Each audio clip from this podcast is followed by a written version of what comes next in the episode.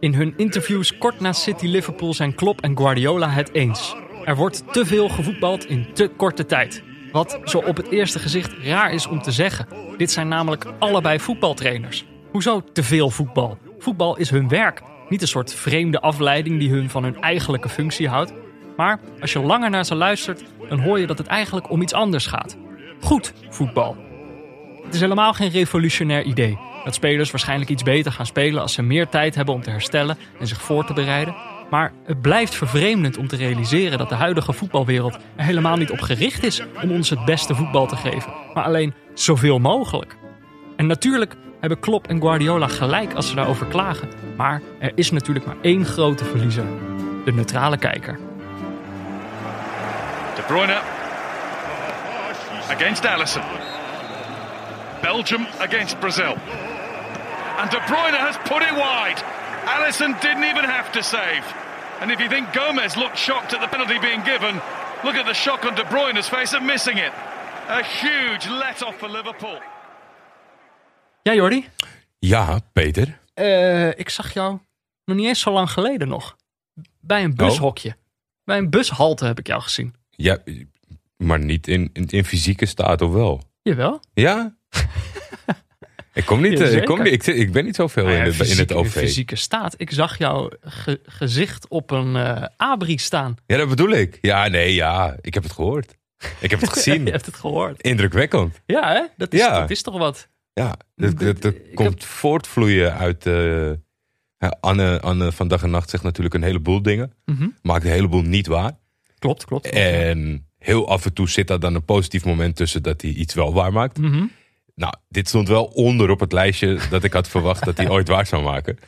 Dit is een droom van jou, toch? Ooit in een bushokje hangen. Nou ja, mijn vaste rieltje was altijd, zeg maar, eh, in, in, het, eh, in het mijn best doen om zoveel mogelijk luisteraars te bereiken. Dat wij natuurlijk niet het geld hebben om langs de, A, langs de snelwegen op, op posters te staan. Toen zei Anne ooit een keer van, eh, nou, dat gaan we gewoon wel regelen. Nou ja, En dan dacht je dat het een grote mond was. ja. En het was super grappig, want de allereerste die het gezien had en waardoor ik wist dat het hing, eh, was de eigenaar van Sabon. Die, Die stuurde via Jesse een bericht van... Ik heb je zien hangen in Diemen. Ik zeg, nou ja, ik, ik, ben altijd hangen. Ik ben geen jeugd. eh, weet je, ik hang niet op straat meer. Maar wat, wat, En toen bleek het eh, eh, ja, een schitterende poster te zijn. ja, in een bushokje. Het is alleen, we hebben dit... Kijk, ik snap als luisteraars dit misschien met eigen ogen willen zien. Ja, we hebben het alleen misschien niet super goed getimed. Want eh, ehm, deze aflevering komt dan eh, van de na- in de nacht op, van maandag op dinsdag online. ja. En dan, dan hangt die poster hangt er dan nog. Nou ja, als het goed is tot, tot s'avonds. Ik weet niet hoe, hoe strikt ze zijn. Dus maar we, ja, dus we zijn hier voor de meeste luisteraars om te zeggen dat we in een bushokje hingen. ja. Ja, En er zal vast eh, nog wel bewijsmateriaal volgen. Ja. Van mensen die zeggen, ah, dat kan helemaal niet.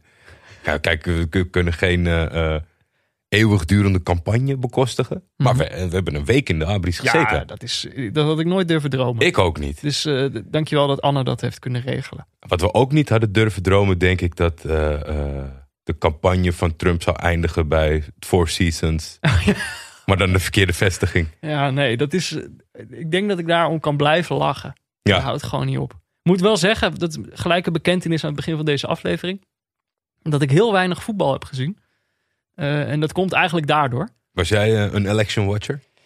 Nou, niet zo heel erg, maar wel echt veel meer dan goed, dan goed voor me is. Ja, er waren natuurlijk veel mensen waren dit aan het Er kijken. waren veel election watchers. Ja, nee, ik ga niet doen alsof ik, daar, alsof ik er verstand van heb. Oké. Ehm, ik, ik heb het ook niet eerder, bijvoorbeeld vier jaar geleden heb ik dat ook niet echt gevolgd toen. Nee, Eh, ik maar ik dacht, niet. ja, als er dan toch een jaar is waar- waarop je het een beetje gaat volgen, dan is, dan is dit jaar misschien het moment. Er waren natuurlijk heel veel mensen die dat deden. Het voelde een beetje, gek genoeg, en ik zag ook andere mensen dit, dit opmerken op Twitter, dat het zo lang geleden is dat je met z'n allen, voor je gevoel dan, naar hetzelfde ding zit te kijken. Zeker zo op Twitter heeft iedereen gewoon het zijn eigen hang-ups over die berichten. Ik bedoel, jij, jij tweet dat je de Franse competitie zit te kijken. En, eh, en de rest van mijn tijdlijn is dat overduidelijk niet aan het maar dit was gewoon, je hebt voor het gevoel, we zitten allemaal weer hetzelfde te kijken. En de, tuurlijk, eigenlijk eh, vind ik, zou politiek ook geen entertainment moeten zijn. Het is ook, niet, het is ook eigenlijk geen entertainment, want het gaat gewoon om de levens van mensen. Eh, ik moet ook bekennen dat ik niet heel neutraal was in het volgen van deze. Ik was niet echt een neutrale Dat zorgt er wel voor, volgens mij, een klein beetje. Ja, dat ligt natuurlijk ook af- aan- voornamelijk aan de mensen die je volgt. Maar er was wel allround wat meer samenhorigheid dan normaal. Alhoewel Hmm. En- zag ik ook wel het ongeduld van de mensen erin terugkeren. Dat iedereen vond het leuk en iedereen was samenhorig en iedereen was hetzelfde. En had ook een beetje de hoop op dezelfde uitslag. Mhm. Maar toen ze wel heel traag gingen tellen en het op 99% bleef, haakten mensen af. Ja, kijk, Je zag, je zag er niet, niet volwaardige election watchers afhaken langzaam. Nee, het is inderdaad niet. Het gekke is, maar dat is natuurlijk het fijne wel aan een voetbalwedstrijd. Dan ga je niet na 80 minuten afhaken. Dan kijk je gewoon de wedstrijd nog wel even af. Terwijl hier was het gewoon, ja, we weten niet hoe lang de wedstrijd gaat duren. Nee. Ehm, maar het is wel, het, het voelde dus een beetje zoals, eh, zoals voetbal kijken. En het volgens mij, die saamhorigheid die je benoemt, geeft volgens mij ook wel aan. Kijk, we hebben natuurlijk geen EK gehad afgelopen zomer. Het is uitgesteld. terwijl dat zijn wel vaak momenten. Ja. En natuurlijk zeker als het Nederlands elftal meedoet. Eh, Dat dus- weten wij nog helemaal niet. Het heeft nog nooit plaatsgevonden sinds wij samen zijn. maar dan, dat zijn wel momenten waarop er saamhorig naar hetzelfde ding gekeken wordt. En ik denk wel dat dat eh, goed is. Als we ook af en toe nog eens in deze ver- versnipperde wereld nog eens naar hetzelfde eh, kijken. Maar het was ook zo dat die feesten na afloop, zei- zeiden mensen ook over. Het lijkt net alsof eh, ze het WK gewonnen hebben. Dat zeiden Hmm. mensen ook zelf. Er stond zo'n quote in een stuk van een New Yorker. It feels like we won the World Cup for the first time. And defeated fascism in the same day. One of the people celebrating Joe Biden's victory outside of the White- White House said. Dus het, het, het, ik hoop dat we dit snel, zoiets, snel weer kunnen ervaren gewoon eh, met voetbal.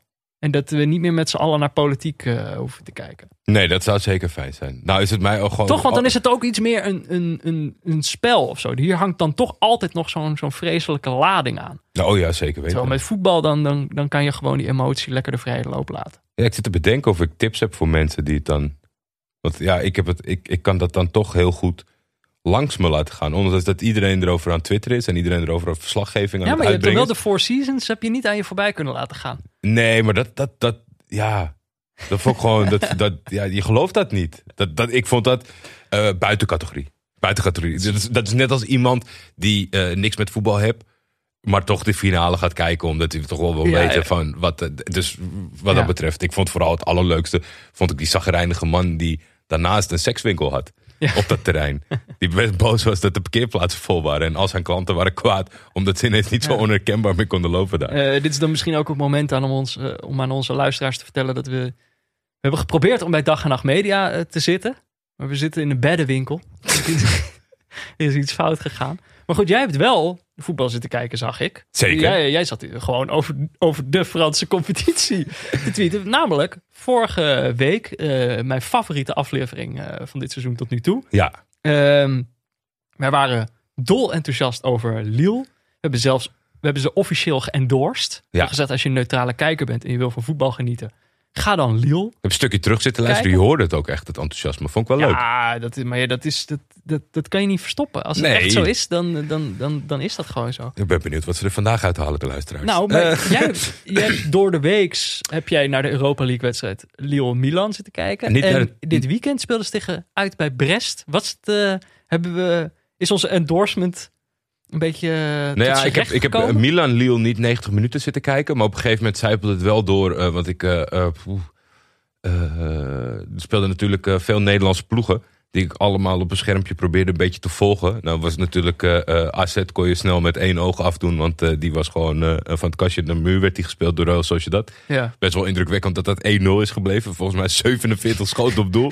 en op, op het eind konden ze gewoon nog bijna 1-1 maken. Dus mijn aandacht was een beetje verdeeld. Maar het ging natuurlijk een paar keer grapje gemaakt over Lille. Dat als extraatje bij mij. Dat is natuurlijk eh, de Turkse enclave. We noemen het ook wel eens Lille Spor. Ja. Nou ja, Yusuf Yazic komt een beetje tekort in de competitie vaak. Maar eh, die had het op zijn heupen tegen de, tegen de grote Slatan. eh, die gewisseld werd. Eh, volgens mij nadat Sven Botman en zijn collega het hem het leven best wel zuur hadden gemaakt. Maar Lille won 0-3. En met best wel goed voetbal. En eh, met eh, mooie uitbraken. En een hat van Yusuf. En dat had hij de vorige ronde ook een nummer gedaan. 1 van de Italiaanse competitie eh, over de knie gelegd. Ja, dus dat was indrukwekkend. En dat was volgens mij, naar wat ik heb gelezen, gewoon een hartstikke leuke wedstrijd voor de neutrale kijker geweest. Kijk. En Dit weekend? Lille kan dus ook gewoon op een leuke manier verliezen. Het was 3-2 Mhm. voor Brest. Lille ontbrak wat mensen, waren wat wijzigingen in de basisopstelling. Daar zag je wel echt de zwakke plekken naar voren komen. Mhm. Eh, de keeper heeft ervoor gezorgd dat het in de eerste helft niet 5-0 al stond voor Brest. Terwijl Brest is helemaal niet zo goed. Daarna ging de motor een beetje draaien. Boerak twee doelpunten. En ja, daarna heb je eigenlijk weer een soort van... Heb je nog een, een leukere slotfase al gehad dan die wij hadden gekeken. Want ze stonden toen achter. Dus wij hebben ze gezien hoe ze willen spelen als ze gelijk staan. Ja. Ja, nu ging dus alle registers zo. Maar ja, dan zie je wel dat Lyon heeft iets meer eh, eh, karakter. Iets meer, iets meer waardigheid. Brest heeft, ja, ik denk gewoon een half uur lang te Nou. pas en te onpas gelegen op de grond. Ja. En dat zo'n scheidsrechter, daar kan ik echt helemaal niks mee. Die heeft gewoon de hele wedstrijd, heeft die, als die jongens gingen liggen, zei hij tegen Lille, maak je niet druk. Zat hij naar zijn klokje te wijzen. Ja. Met andere woorden, nou, er komt zo meteen een kwartier bij. Mhm. Drie minuten. Ja, maar dit is. Kijk, wij mogen, wij mogen geen kritiek meer hebben op scheidsrechters. Eh, hebben we onszelf voorgenomen. Laat het een advies zijn naar de scheidsrechters Maar dat dit is een van die dingen. Dit gebeurt toch altijd? Dan zegt ze: nee hoor, ik eh, tel de tijd erbij op. En het is altijd te weinig. Ja, of eh tijdrekken in de verlenging en dan affluiten op de verlenging die je eerst aangaf. Ja. Nee, nee. Want volgens mij is, betekent dat bord omhoog minimaal vier minuten. Dus je bent helemaal niet verplicht om op 3,59 af te fluiten. Ja, maar aan de andere kant denk ik ook, kijk, de Brests van deze wereld. Hebben alle beetjes toe- nodig. Ja, en die mogen af en toe ook een beetje geholpen worden. Ja, dus ze Houdt zijn, wel eh, spannend. ze zijn niet meer ongeslagen, maar nog steeds even leuk om naar te kijken. Oké, dus die, eh, die tip houden ze gewoon. Ja, de, de, de voetbalwereld ziet er toch wel weer iets anders uit dan, eh, dan vorige week. In Nederland gaat het nu volgens mij gewoon wel een stuk beter met de cijfers. Maar ja, Ja. we hadden natuurlijk nog niet eens zo lang geleden. Had, je, had Ajax dat gedonder in de Champions League. Was ook afgelopen week nog. Midtjylland. Jezus, wat een, wat een, een tijd is er. Het voelt als een jaar. Maar dat gedoe bij Midtjylland, waarbij spelers pas op de laatste dag kwamen. Daar zie je dus dat iedere competitie heeft zijn eigen corona-protocollen. Ja, dan Maar vooral hoe die vanuit, overlappen in eh, Europees voetbal. Ja, dat is toch belachelijk. Ja, dat, maar dat, ja, het is belachelijk dat dat niet echt goed geregeld is. Daar hebben ze toch de hele zomer voor gehad, zou je zeggen? Ja, en dan moet UEFA toch zijn nek voor uitsteken. Dat jongens, oké, we respecteren van alles en nog wat. Maar als jullie willen dat doorgaat, dan hebben we één manier van handelen. Ja. En nu was het gewoon een beetje, een beetje spelletje om Ajax te sarren. Oh, dat weet ik niet. Maar ja, dat, dat, eh, dat was het. Want er ah. was een beetje gedoe over, ja, in Denemarken doen we dit anders. En Ja. eh, nou ja, nee, zo. Ja, ja ik denk, eh, zorg voor dat de spelers van A naar B gaan en van B naar het stadion. En Ja. dan hebben ze helemaal geen invloed op jouw manier van handelen met COVID in je land. Ja, nou ja, Maar- Granada, die natuurlijk niet eens zo heel lang geleden nog bij PSV op bezoek zijn geweest, geloof ik, in Eindhoven. Ja, Speelde, ja, in Eindhoven was dat.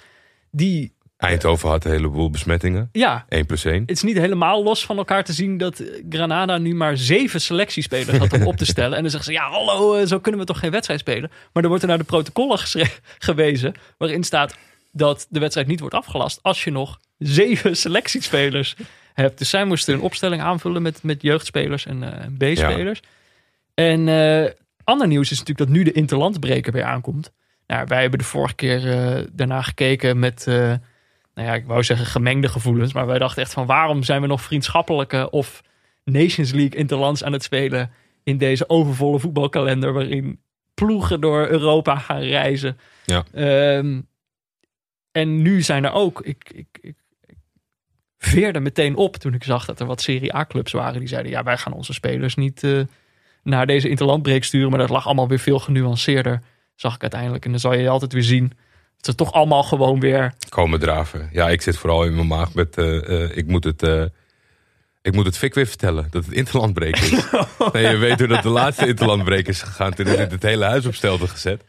Dus ik, Ja, ik, wacht, ik wacht zo lang mogelijk. Maar waarschijnlijk morgenavond is, dinsdagavond is Champions League. Ja. als hij dat dan niet aan ziet gaan, dan gaat hij vragen stellen. Ja, leg dat maar eens uit. Nou ja, het is ik denk de hele voetbalwereld. Volgens mij was het ook Klopp die zei dat, eh, dat we aan wat soul searching zouden moeten doen.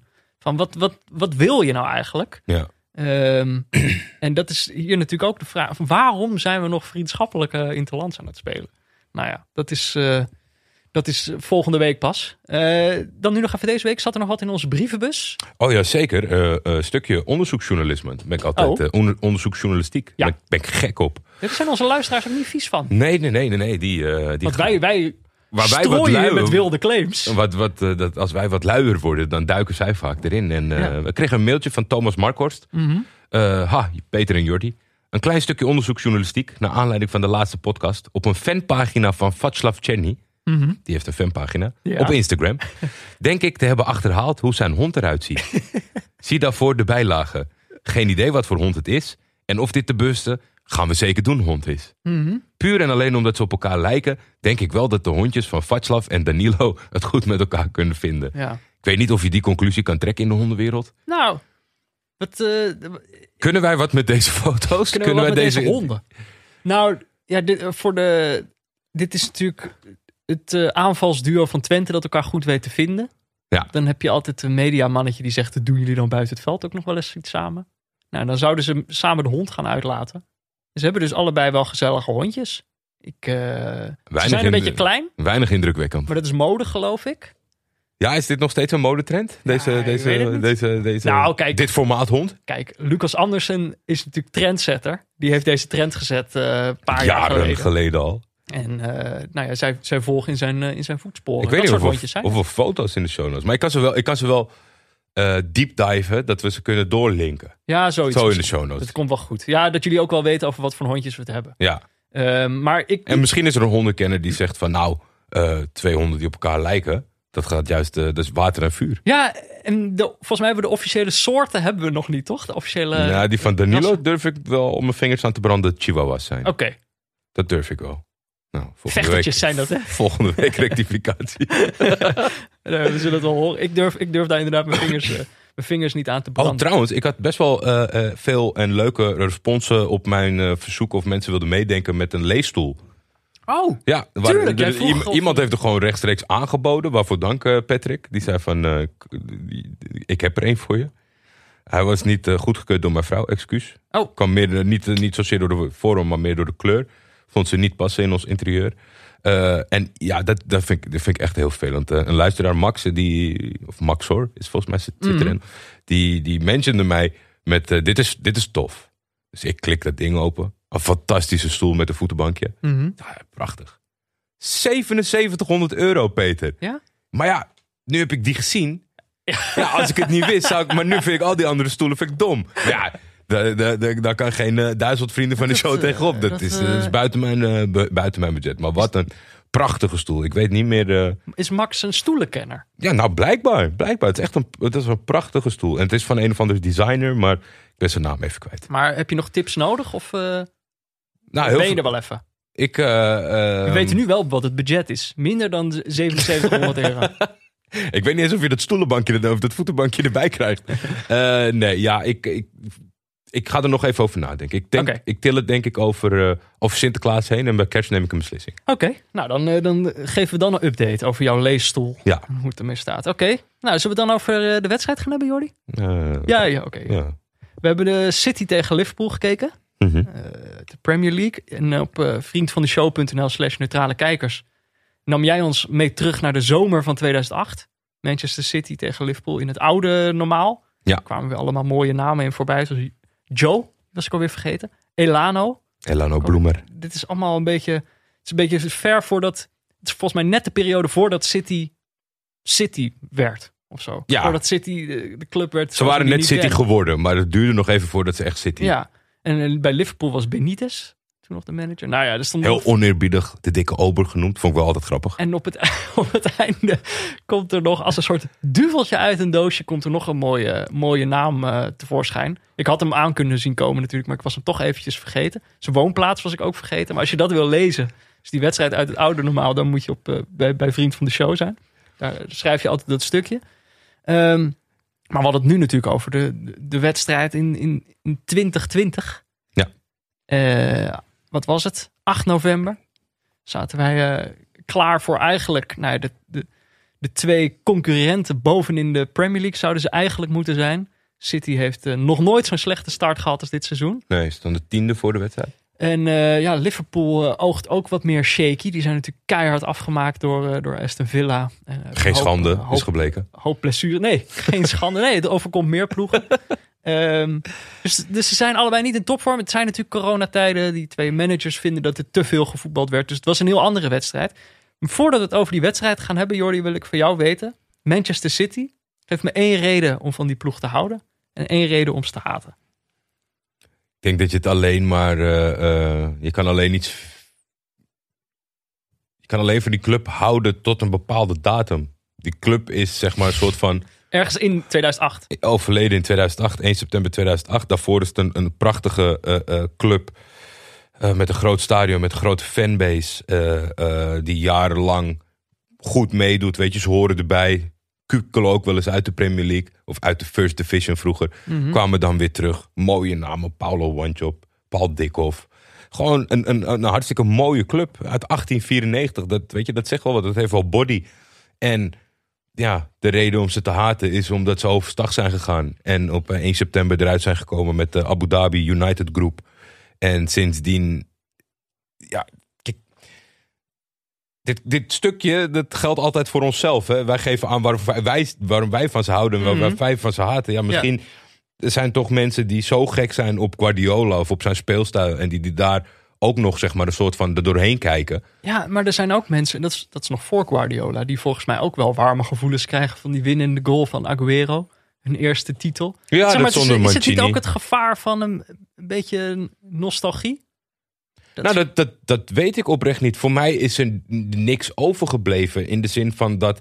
Eerst kreeg je een hele waslijst. eh, wat veel terugkomt in mijn, eh, in mijn verhaal. aan niet zulke hele goede spelers. Maar ja, ze konden niet zomaar eh, iedereen overtuigen om in te stappen. Dus ze moesten heel veel geld spenderen om een beetje body te krijgen.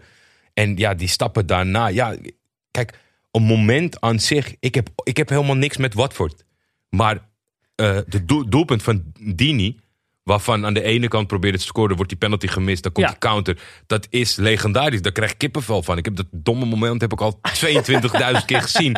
Omdat mensen of accounts op Twitter leven van het feit. Weet je nog? Ja, want dat heb ik gisteren ook gezien. Ja. Dus dat moment van Aguero. En het is ook zo dat natuurlijk de top is redelijk gespekt in de, in de kas. Dus dan was het best wel leuk die allereerste keer. En dat was nog een beetje hobbelig. Balotelli, weet je. Dat was nog wel wat... nou, en toen was, Het denk was ik- wat sympathieker. toen was het geld misschien ook een, eh, nog een soort opschudding in het voetbal. Ja. Terwijl nu kennen we dat hele riedeltje wel. Toen was het gewoon zo van, oh, dan kunnen ze gewoon iedereen kopen. Nou, en er is, ook, er is ook wel een soort van verschil in dat geld. We hebben het natuurlijk eh, eh, wel eens gehad over Chelsea. Paris Saint-Germain is voorbij. Kijk, Paris Saint-Germain vind ik een beetje parallel hieraan. Ja. Die gewoon nergens over nadenkt. En gewoon een soort van dom alles bij elkaar koopt. ja, en dan zeuren dat je te weinig spelers hebt. Ja, en dat heb ik nu ook gewoon. Dat, dat armoedige van Guardiola om, om elk jaar weer met 200, 200 miljoen pond de verdediging proberen te stutten. Ja. Hoe goed ben je dan echt als trainer als je met 200 miljoen per jaar niet, je, niet een, een, fatsoenlijke verdediging bij elkaar Maar kan ik staan? vraag me dan af, is er dan überhaupt al een reden om van City te houden nog? Of heb je dat al, Nou ja, je dat al nu, genoemd? nu, nu niet meer. Nu niet meer. ja, Dus je kan alleen van de herinnering ja. van, van voor 2008. Kan Nou ja, jij kan het wel wat mooier samenvatten, maar je kan inderdaad alleen van de herinnering van deze club. eh, voor de rest is hij eh, niet bestaand of, of eh, gehaat. Nou, dan, dan weten we dat. Ik- Oké, Liverpool hebben we natuurlijk al een keer gehad. Ja, hè? Dus, en de punt dat ik toen maakte, was dat waarom je ze zou moeten haten, is dat, ehm, dat het saai geworden is. We kwamen er toen achter van ja, hoe leuk een ploeg ook is, het heeft gewoon een houdbaarheidsdatum. Als je de zoveelste keer ehm Mane, Firmino en Salah op het papiertje ziet staan, dan denk je ja, dit, dit ken ik nou wel. Ja. Ehm, dat was toen het punt. Maar dat was nu, was de opstelling anders. de voorhoede, er stond opeens iemand bij. Dat is natuurlijk eh, Diego Jota. Jota. Die eh, is overgekomen van eh, Wolves. Een van de, de aankopen die ze hebben gedaan. Die Firmino een beetje onder pressure bracht de Ja. afgelopen weken. Die is ontzettend aan het scoren. Dus Ja. de- je hebt voor het eerst weer het gevoel dat, er niet, dat ze niet een soort handige reservespeler hebben gehaald. Maar iemand die daadwerkelijk die basisspelers aan het uitdagen is. Ja. En dan Klop is natuurlijk ook niet de beroerdste. Die stelt hij wel op. Dus ik heb de, de reden om nu van ze te houden. Is dat, is dat hij er is. En het, dat het hem lukt om die ploeg een beetje op te schudden. Firmino inderdaad onder druk te zetten. De En, reden om eh, ze toch te haten Ja. is denk ik dat ik het, dat ik het vorige, vorige keer dat het over Liverpool ging, dat dat punt net niet helemaal goed was. Het gaat niet om alleen die voorhoede of zo. Het gaat er ook gewoon om dat.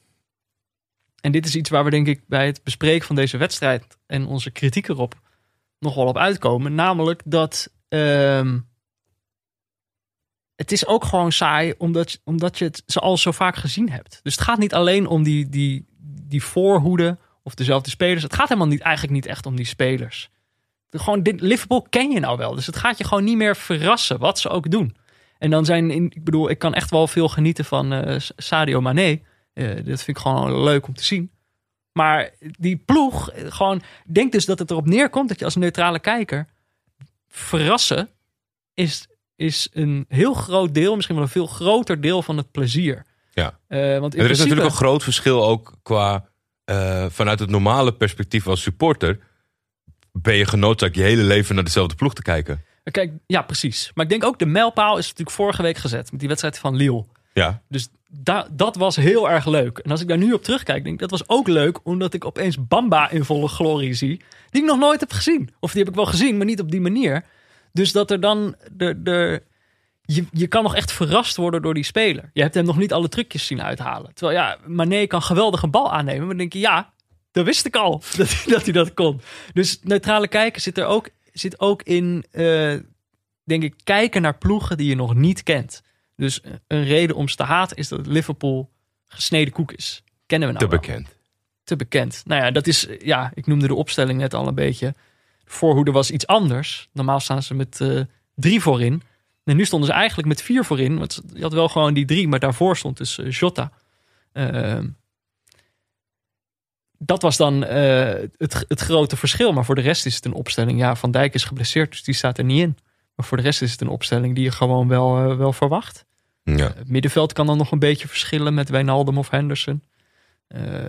En ik denk voor City geldt, nou ja, tot op een zekere hoogte. Die hebben ook één speler die nu een beetje een positie heeft veroverd in dit team. Ferran Torres, die vanuit eh, Valencia gekomen is. Eh, waarvan je toen ook dacht, van, nou, het kan ook weer zo'n zo'n luxe reserve worden die dat soort clubs heel veel hebben. ja, het is gewoon een club die Mares eh, rustig op de bank houdt. Ja, en dat is. Maar ik bedoel, dat ze, zij hebben wat dat betreft vergelijkbaar, maar voor de rest is het ook gewoon een ploeg die je al verwacht. Ja, is redelijk voorspelbaar. Ferran, Ferran Torres, dat vind ik dan weer zo'n... Zo, ja, dat helpt niet eh, als je moet nadenken over waarvoor je van City kan houden. Zeg maar. Eh, bij Valencia staat water aan de lippen. Mhm. Dat is een megatalent. En dan zeggen zij, eh, omdat niemand tijdens COVID echt heel veel risico's durft te nemen met geld. En weet je, er ontstaat een andere markt. En dan kopen zij Ferran Torres voor een prikkie. Ja. Echt ver onder zijn marktwaarde. Ja. Ja, dat doet ook alleen een evil. evil club. Ja? Ja. Oké. Maar dus de voorspelling van deze wedstrijd was... Ik had een beetje... was een filmpje van Pieter Zwart Mhm. op eh, vi.nl... waarin hij voorbeschouwde op deze wedstrijd. Het is natuurlijk de, de botsing tussen Klopp en Guardiola. En je hebt vaak... eh, was het Mourinho tegen Guardiola. Maar dan maakte Pieter het punt zo van... Ja, de, de- Mourinho wordt vaak gezien als de, als de, de, de Guardiola-killer. Ja, Maar Klopp is de, is, is, heeft veel vaker van Guardiola gewonnen. Eh, en het verdere punt dat hij maakte was dat je eigenlijk twee dingen tegenover elkaar. Namelijk City wilde controle en Liverpool wilde chaos. Dat waren de twee stijlen die, eh, die botsten. En zijn voorspelling voor deze wedstrijd was... het stadion is leeg, dus er is weinig chaos. De controle is makkelijker te houden. dat is in het voordeel van City. City gaat dit winnen, zei hij eigenlijk. Nou ja, dan begint die wedstrijd. En nou ja, jij zit al de hele, de hele tijd een beetje te, te morren tegenover mij. Een beetje te mokken. Eigenlijk al tijdens de wedstrijd zat je me ook al appjes te sturen. Jij hebt zelfs voorgesteld om het gewoon helemaal niet over deze wedstrijd te hebben. Nee, dat, is, eh, dat, is, dat, dat was mijn intentie. En dat Maar- is niet rottig bedoeld, maar ik, ja. En natuurlijk moet je alles loszien. Maar ik heb ook nog nooit, denk ik, niet eerder zo'n eh, hevige reactie gehad eh, over. Er zijn zat duels geweest waar echt geen klote aan was. En waar ik geen enkel plezier uit heb gehaald. En dat ik tegen jou zei van poe, poe, was weer niet veel hè. Ja. Was weer niet veel. En als, we al een, als er een helftje werd gegund, dan was er misschien nog, een- weet je. Maar ja, ik had hier helemaal niks mee. De, de setting klopte voor mij ook niet. Het was zeg maar eh, een, een onderbreking. waar de, binnen de RIVM-maatregelen eh, twee mensen over de vloer. Gingen we lekker uitgebreid over koken. Ik had wel aangegeven, jongens, op zondag. Ik moet hier even voor zitten. Dus ik ga Oh. gewoon iets superleuks en eh, waar ik heel veel plezier uit haal onderbreken. Met toestemming eh, van alle betrokkenen. En je zit gewoon naar niks te kijken. Tenminste, ik, ik haal hier echt geen, geen, geen grammetje plezier uit. En denk echt, oh mijn god. En toen moest die tweede helft nog beginnen. En toen heb ik echt Nou, getwijfeld van...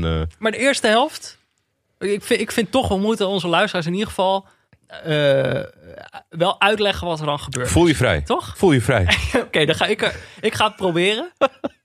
ik ga het proberen om het toch nog een beetje te verkopen. Want volgens mij hebben we gewoon een prima eerste helft gezien. Hm. Eh, na, na elf minuten was het, eh, was het al raak. Kreeg Liverpool een, een penalty.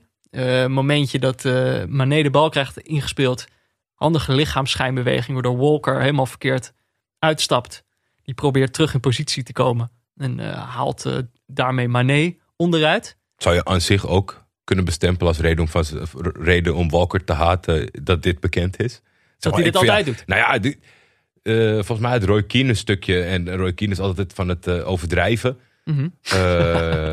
Maar er zat wel echt wat in. Hij zei, ja jongens, nu vragen jullie weer mijn mening over Kyle Walker. Die is 30. En zolang ik hem ken, eh, hartstikke leuk van alles en nog wat. Maar hij is altijd op cruciale punten, eh, eh, zal die je nekken, zeg maar. Het is gewoon een risicofactor. En hij zegt, ik, hij is 30, dus ik verwacht niet meer dat er nog iets heel veel gaat veranderen. Nou, laat ze gewoon in de luren leggen Ja. hier door, door Mané. En dan staat Salah achter de bal om die penalty te nemen. Ja, weet je, dan weet je eigenlijk wel hoe laat het is. Die schiet hem gewoon keihard binnen. Gewoon zo hard dat ze denk ik niet te houden gewoon, toch? Nee, dat is, die, kan, die kan lekker strepen. Je ziet, het, je ziet het vaker, heb ik het idee. Gasten die het doorhebben dat als je gewoon eh, goed... Want het is niet in de hoek. Nee, niet, niet- het hoeft niet per se. Maar er is ook, ik denk dat er gewoon, er is een bepaalde snelheid waarvan je niet, waarvan je reactievermogen tekort komt. Ja. Maar dan moet je ook nog zo hard kunnen schieten en nog wel een beetje kunnen mikken. Mikken. Want het is natuurlijk zijn zat mensen die als ze zo hard willen schieten, ze niet eens Ah, het het is doel op zich halen. wel lekker dat je kan mikken als je gecontracteerd wordt door Liverpool. Ja, Salah kan gelukkig mikken. Eh, nou, dus dan staat Liverpool vroeg voor. Die waren ook echt een veel betere ploeg. Dat is best wel flitsend. Was ook voorafgaand aan deze goal. Hadden zij al de betere, betere mogelijkheden. Maar dan is het in de dertigste minuut. eh, komt veel ruimte op rechts bij Kyle Walker. Is toch aanvallend eh, meer van waarde, denk ik, dan, dan verdedigend. Speelt in op, de Bruine, die dan heel goed de ruimte vindt. En ook niet echt onder druk wordt gezet door Wijnaldum, geloof ik. Die pas, paast dan best wel hard in op Jesus, de, de, de spits van deze wedstrijd bij eh, City. En die neemt die bal eh, zo mooi aan, dat hij meteen eigenlijk de hele verdediging kwijt is. Dan reageert hij ook nog eens het snelst. Ja, En tikt ik moest goed binnen. kijken. Ik dacht, ik dacht in dit, Het is een goal die volledig door de aanname komt. Oh, 100%. Maar ik moest eerst even kijken. Ik dacht, ik dacht heel even in het eerste shot nog, of de eerste herhaling, dat het misschien wel eigen doelpunt was. Zeg Oh, maar ja. vanuit het di- dicht bij de bal willen komen. En toen Ja. zag je inderdaad dat hij en zo wegdraaide en eerder bij de bal was. Eh, of hij bewust was. Ja, dat is de hele discussie na die goal. Want het is een soort bergkampachtige goal. Maar dan, omdat hij niet die reputatie heeft, ontstaat dan de discussie van doet hij dit wel expres? Ja, ja 100% eh, dat zal je het nooit weten. Nee. Maar want zelf volgens mij na de wedstrijd zegt hij, oh nee, dat deed ik wel, eh, dat deed ik wel expres. Ja. Maar het punt wat andere mensen dan volgens mij ook maakten, is dat het Van Basten zei dat hij was de, de, de pundit van, van dienst. Die zei, ja, het maakt ook weer niet zo heel veel uit of het expres was of niet. Want hij is alsnog degene die het best reageert op die, eh, op die aanname. Dus eh, want hij neemt die bal aan. Maar hij is ook de eerste die, die reageert op de, de kant die die bal eh, Ja, de- Dus als het per ongeluk is, is het ook knap. Dat was eigenlijk het punt. Absoluut waar. Maar daardoor, juist doordat hij zo snel reageerde, neig ik hem het voordeel van de twijfel te geven. Ja, nou dan op zich, kijk, ik denk dan, dit is een prima spelverloop. Na een half uur staan deze twee ploegen nog eh, gelijk. Ze zijn aan elkaar gewaagd. Liverpool moet nu weer iets meer. Eh, gewoon, ze hebben twintig minuutjes voorgestaan, maar ze moeten weer. Dat is gewoon ook wel fijn voor de, voor de wedstrijd. Eh, dit is ook een fijn moment. Het, het was eigenlijk een beetje een uit het niks goal. Het was niet dat City al minutenlang aandrong en dat dit het moment was dat het lukte. Het was Ja. echt zo, door die ene aanname stond het opeens weer gelijk. Ehm, en dan is het ook nog eens zo dat dan in de 38ste minuut, niet eens zo heel veel eh, later, weer de bruine eh, over rechts, de halfspace. Misschien was dit net niet de halfspace. Die geeft die bal voor. En dan komt hij op de elleboog van eh, Joe Gomez. Nou, dan krijg je weer dat. Gevaar. Ja, dat kunnen ze dan toch gewoon ook niet heel goed in Engeland, vind ik. Want wat ze dan. Dit gebeurt de hele tijd daar, voor mijn gevoel. Dan staat eerst die scheids te wachten. Omdat hij dan een berichtje krijgt van: hé, het was waarschijnlijk Hens. En dan zegt die VAR: ja, we zijn ernaar aan het kijken. En dan die, die is die VAR is twee minuten aan het kijken. Ja. En dan zegt die VAR, ja, misschien moet je toch ook zelf even kijken. En dan gaat die scheidspas naar het scherm lopen. En kijk, het is toch, dat kan je toch veel sneller doen? Nou ja, dat... eh, dat Ga dan meteen kijken of geef hem niet. Dat, is, dat lijkt me dan veel makkelijker voor de, voor de beslissingen. Want als je er zo lang naar moet kijken en het is blijkbaar een twijfelgeval, ja, dan zijn dat misschien momenten waarop je de VAR niet meer moet gaan gebruiken. Als je er, als je er zo lang naar moet kijken. Maar ja, hij geeft hem dus wel. Ik denk dat dat, het is gewoon de regel. Was deze week wel het nieuws dat ze naar die hensregel weer willen gaan kijken. Dan denk ik, ja, hoe... Hebben ze deze regel dan niet getest voordat ze hem invoerden? Jawel, toch? Nou ja, meestal doen ze een beetje pilots of zo. Dan spreken Ja. ze met bepaalde eh, competitievormen of beker, eh, eh, bekervarianten af om een nieuwe spelregel te toetsen. Mhm. Maar het lijkt mij sterk dat ze dit goed hebben kunnen toetsen. Ik denk dat het vooral uit de tekenkamer komt. En dat we nu kijken van, pff, zien het wel. En dat het dan een beetje tegenvalt. Want ja, het wel echt ellendig aan het worden.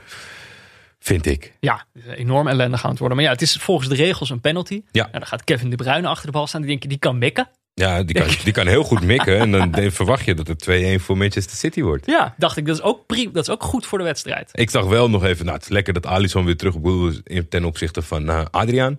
Ja, Heb je toch ietsjes meer kans dat, dat, dat het goed afloopt voor Liverpool. Maar ja, dat was niet eens nodig. Maar hij schoof hem lekker naast. ik eh, was helemaal verbaasd van dat moment. Ja, Ik snap het. Hoe, hoe krijg je het voor elkaar? Het is gewoon een van de beste spelers ter wereld die dan gewoon de bal naast schiet. Ja, die echt gewoon... eh, en er was ook niet te zien wat er dan precies fout ging. Hij glijdt niet uit. Misschien geen zin.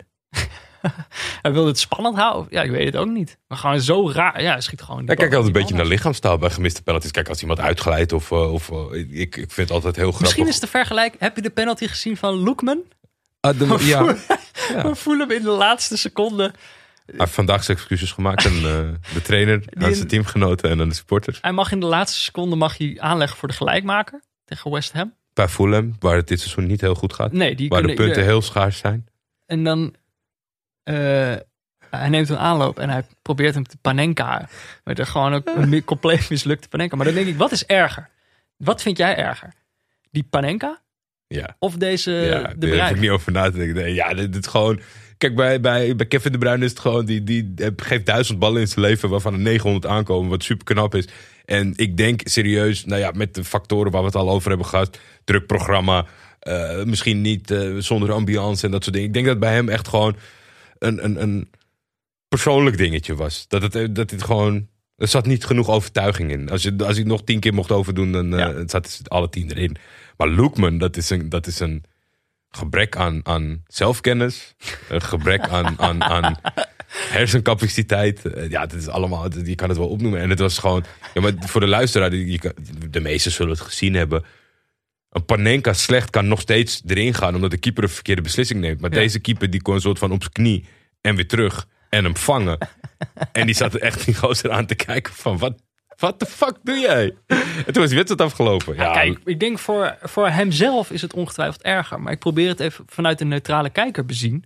Wij hebben toch veel liever mensen die in het leven staan, zoals Loekman. Oh ja, nee. Ja, maar wat vind je erger?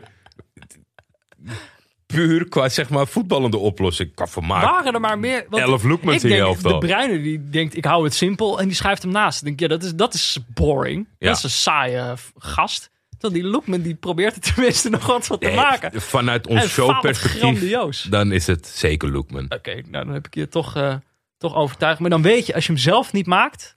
joh, Dat hebben we vorige week gezien. Nee, dan valt hij dus ook niet aan de andere kant. bleef tot de rust, eh, bleef het eh, 1-1. En dan, voordat we dan naar de rust gaan. eh, wil ik toch nog even een shout-out doen naar eh Wiets van der. Je hebt weer zitten genieten. Ja, kijk, eh, we hebben vaak over hem gehad als commentator. Mhm. Maar ik zit dus heel vaak op, op Ziggo nou die voetbalwedstrijden te kijken uit, uit Engeland. En als je een beetje geluk hebt, dan kan je de hele dag naar die zender kijken. Want dan hebben ze uit allerlei competities wedstrijden. En ik heb vaak geklaagd in, dit, in deze podcast over dat uh, Nederlands voetbaltv niet kan tippen aan Match of the Day. Maar ik zie daar iets van de groot als presentator. En dan zit er maar één iemand naast hem, Marco van Basten. Ik zie, daar, ik, ik zie daar wel potentie in. Als we het ooit gaan doen, Nederlandse Match of the Day, dan moet hij dat eh, doen. En dan kan wat mij betreft Mark van Basten kan daar prima bij zitten. Sowieso hebben ze dat bij Ziggo wel aardig op orde, vind ik. Die sfeer is top. Ja? Ja, een beetje grapjes. Het gaat wel echt ergens over. Er worden goede vragen gesteld. Eh, ja, dus ik... eh, Ja, ik heb zoals altijd eh, eh, ben ik van mening dat Nederland eh, te klein is voor het aantal hoeveelheid initiatieven dat er is. Dat is Mhm. natuurlijk. Ja. En dat, dat, dat geldt altijd. Ik denk dat je een hele mooie sterrenkast kan samenstellen. En bij welke zender dat ook mogen zijn. Ik vind het, het, het kwaliteitsverschil, het contrast wat er is, vaak wel groot.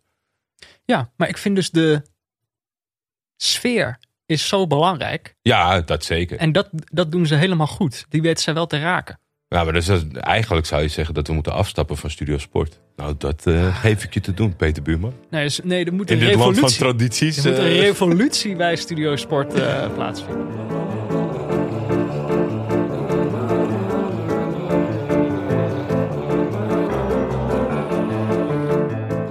Ja, want ook deze aflevering van Neutrale Kijkers wordt natuurlijk weer mede mogelijk gemaakt eh, door Auto.nl.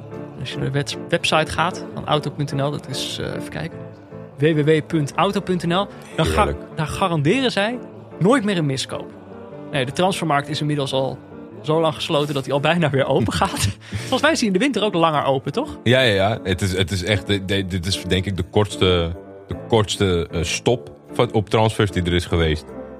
Zou het niet ook eh, kunnen dat eigenlijk in de, juist in deze periode de meeste miskopen. Kijk, er wordt natuurlijk geen geld uitgegeven, maar je hebt wel van die transfervrije jongens die niet voor niks transfervrij zijn, die nu worden opgepikt.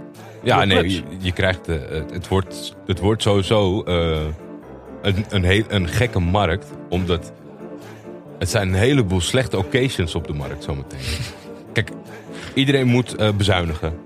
En wat je nu krijgt, is dat gewoon bij alle clubs in Engeland nou, ja, zo'n 20 jongens beschikbaar zijn. Dat, Ja. Met de boodschap vanuit de club van nou, als je deze kan slijten, heel graag. Ja. Hoeven niet eens heel veel geld voor als hij maar van de loonlijst af is.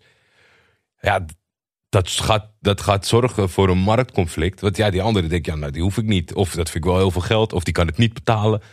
Je krijgt zo meteen een occasion overschot. Nou Let- ja, kijk, let- let- geloof mij maar. Ik heb een occasion voor je. Oké, John Flanagan. Niet Zegt geïnteresseerd. die naam jou... Zegt die naam, naam jou iets? Nou, dat zal ik je vertellen waarom John Flanagan bij mij is blijven hangen. Eh, dit was ooit eh, een product eh, uit de jeugdopleiding van Liverpool. Zeker. En ik speelde heel lang samen met een vriend van mij Master League op PES. Mhm. En toen waren wij Liverpool. Aha. En dan omdat je zelf die mannetjes bestuurt, dan kan je ook best wel met wat minder goede poppetjes als je het een beetje kan. Ja. Dus John Flanagan was een hele betrouwbare wisselback voor ons. Dus ik heb eh, fijne herinneringen aan John, maar Nou ja, maar hij heeft een nieuwe club. Charleroi. vind ik indrukwekkend. Charleroi? Ja. Wauw. Hij, heeft, eh, hij stond hiervoor onder contract bij Glasgow Rangers. Daar eh, werd hij transfervrij. is zijn contract er niet verlengd. En nou is hij dus bij Charleroi terechtgekomen. Is een nieuwe club. Maar kijk, inderdaad, hij komt dus uit de jeugdopleiding van Liverpool. Weet je wanneer hij zijn debuut maakte? En tegen wie? 2010? Oh, dat was geen quizvraag hoor. Nee, eh, 2011. 11 Oh. april 2011. eh, op Anfield tegen Manchester City. Oh, Kijk, dus ja, is gewoon even het cirkeltje perfecte- rond. Ja, het cirkeltje is helemaal rond. Eh, kreeg toen nog veel lof. Kenny Dalglish was toen de trainer. Die zei, nou, dit is, als dit het niveau is van de jeugdopleiding, dan, eh, dan gaan we goede jaren tegemoet. Nou ja, dat is dus niet eh, helemaal uitgekomen. Want bij Liverpool uiteindelijk transfervrij vertrokken naar Glasgow Rangers. Ja, echte scousers. Daar dat- dus ook weer transfervrij vertrokken. Daar hopen ze vooral op altijd bij Liverpool. Dat vind ik wel mooi. Dat die krijgen ook een beetje een voor, eh, Mm. voorkeursbehandeling. Tuurlijk. Kijk, die, die opstelling waar die toen in stond. is met Reina in de goal. Pepe Reina. eh, Jamie Carragher. Ja, Skritel. Martin. eh, Fabio Aurelio. John Flanagan. Daar is hij. Raúl Mareiles. Zo. Lucas. En daar is. Dirkie Kuyt. Eh, Jay Spearing heet hij volgens mij. Jay Spearing, oh, die was ook slecht. Luis Suarez. Die was niet zo slecht. En Andy Carroll. dit is echt, dit is, dit is En eh, David Ngok viel nog in in de 89ste minuut. spitsie. Ja. Dit is echt een Liverpool waarom het Liverpool hiervoor nooit lukte. Maar dit is nog niet eens zo lang geleden. John Flanagan is nu 27. Ik bedoel, die kan nog, eh, die kan nog een hele carrière. eh. Ja, en die is niet, eh, niet veel gebruikt. Ideaal eh, als, als occasion. Ja, maar wel, kijk, dit is wel weer zo'n voorbeeld van. Er zijn, Lang twee ploegen, er zijn twee ploegen die hem gewoon hebben weggedaan. Die hem niet zo, die hem niet eens, die hoeft hem echt niet te houden. Die hoeft er niet eens geld voor. Nee, maar dat zou je weer kunnen zien. Wat ook bij Auto.nl kan als lease. Ja. Zij, zij hebben die jongen, zoals die, komt een jeugdproduct, daar hebben ze gewoon elk jaar netjes eh, de termijnen voor betaald. En dan is hij afbetaald en dan Mhm. Is hij terug eh, op de markt. Oké, nou ja, maar kijk, we zullen het zien hoe John Flanagan, Flanagan het gaat doen bij, eh, bij Charleroi. Leuke ploeg. Heel leuke ploeg. Ik wens hem alle succes. Maar mocht je die twijfel of deze situatie nou willen voorkomen, dan moet je natuurlijk gewoon naar auto.nl gaan. En, daar heb je geen Flanagans. Top. Oké, tweede helft. Eh, 1-1 bij rust. Ja. We hebben eerder dit seizoen eh, tweede helft syndroom eh, gemunt. De tweede helften niet leuk meer zijn. Dan denk je, het staat nog gelijk. Eh, dat gaat in ieder geval niet gebeuren. Maar dit was echt heel erg saai, deze tweede helft. En ik denk, kijk, dit is. Ik denk ook dat dat vooral het gevoel is dat bij jou is blijven hangen hoor. Dat dat, dat, dat vooral is wat jou een, een vies smaakje heeft gegeven bij deze wedstrijd. En waarom je het er eigenlijk niet over wil hebben. Ten opzichte, ja, ja, nou. Gewoon door hoe die tweede helft was. De eerste helft gebeurde er nog genoeg. De tweede helft, daar kan ik gewoon echt kan ik gewoon niet zo heel veel zinnigs over zeggen. Er gebeurde gewoon niet zoveel. Nee. Maar oké, ik wil misschien de dingen die ik er wel over kan zeggen, ga, ga ik dan gewoon even af. Is dat goed? Komt u maar door. En dan kunnen we het daarna over gaan hebben of we, of we dit soort wedstrijden nog wel moeten gaan kijken. Maar kijk, uiteindelijk is denk ik wat er gebeurde deze wedstrijd en waarom het zo saai was. Eh, ik probeerde daar een verklaring voor te zoeken. En dan lees je natuurlijk de, de analyse van Pieter Zwart achteraf eh, op VI Pro. En zijn analyse was eigenlijk dat de toevoeging van Jota als spits voorin, dat ziet eruit als een meer aanvallende opstelling van Liverpool. Hm. Maar het is eigenlijk een opstelling die eh, ze verdedigend meer controle heeft gegeven. Waardoor ze City minder ruimte gaven. Makkelijker de eh, tactiek van City konden counteren. Dus je ziet die opstelling, je denkt, oh, ze zetten er gewoon nog een aanval Nog een bij. spits erbij, ja. Maar in de praktijk verdedigend betekende dat dat ze 4-2 stonden. En eh, dat was, eh, nee, kijk, dan heb je altijd mooi die, die screenshotjes van Pieter. En dan zie je, ja, ja er is gewoon geen, Geen ruimte. geen ruimte tussen deze twee ploegen. En dat gingen ze elkaar ook, ook niet, niet bieden. Dus het lijkt dan een aanvallendere opstelling. Maar het is voor meer defensieve zekerheid. Nou ja, en die hebben ze gekregen. Maar dit zijn gewoon wedstrijden. Want even voor de duidelijkheid, het blijft gewoon 1-1. En er sta, ik, kan niet, ik heb niet echt dingen waarvan ik kan zeggen... oh, en toen gebeurde dat, toen gebeurde dat. Er gebeurde gewoon niet zoveel. Nee. Eh, wat er gebeurde is dat op een gegeven moment Sherdan Shakiri invalt. Ja, Ja, dat is natuurlijk een speler. Dat is gel- een luxe reserve is dat. Dat is er zo eentje. Nee. Oh. Vind je dat een luxe reserve? Nou, zo gebruikt Liverpool hem toch?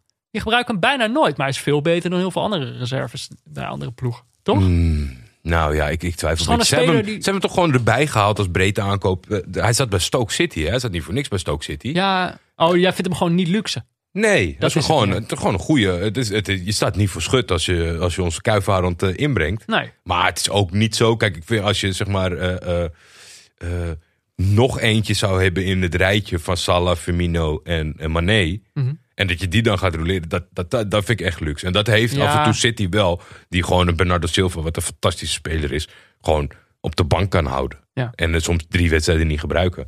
En vind Mares in zijn goede doen ook wel een luxe. Ik vind Mares een betere voetballer dan Shakiri. Maar, ehm, Maar niet leuker. maar uiteindelijk is het ook zo dat deze ploegen in Engeland, wat ik dus helemaal niet heb geregistreerd al die, al die tijd, is dat zij mogen niet vijf keer wisselen. Nee, drie. Ze denken we maken het onszelf nog veel moeilijker. Want uiteindelijk een van de dingen die wel gebeurt, is dat eh, Trent Alexander-Arnold op een gegeven moment op de grond zit. Mhm. Ook weer blessure waarschijnlijk. Nou, ik weet niet hoe ernstig is. Dat Hij is afgevallen bij de nationale ploeg.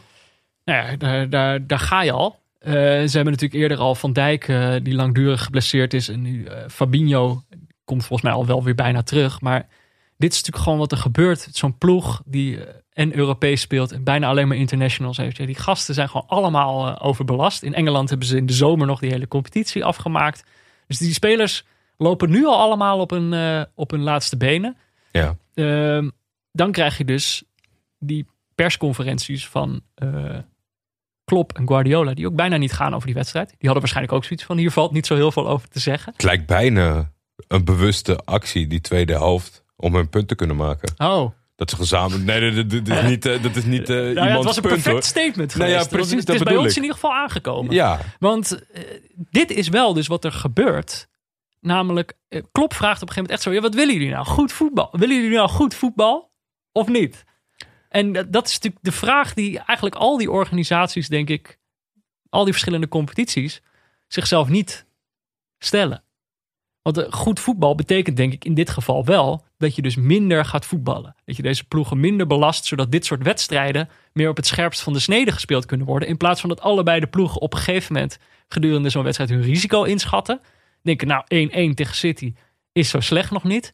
We kunnen beter nou de, de controle houden dan dat we meer chaos gaan stichten. Ja, Want ga- weinig chaos gezien in de tweede helft. Gewoon twee ploegen die de, de pot dicht houden.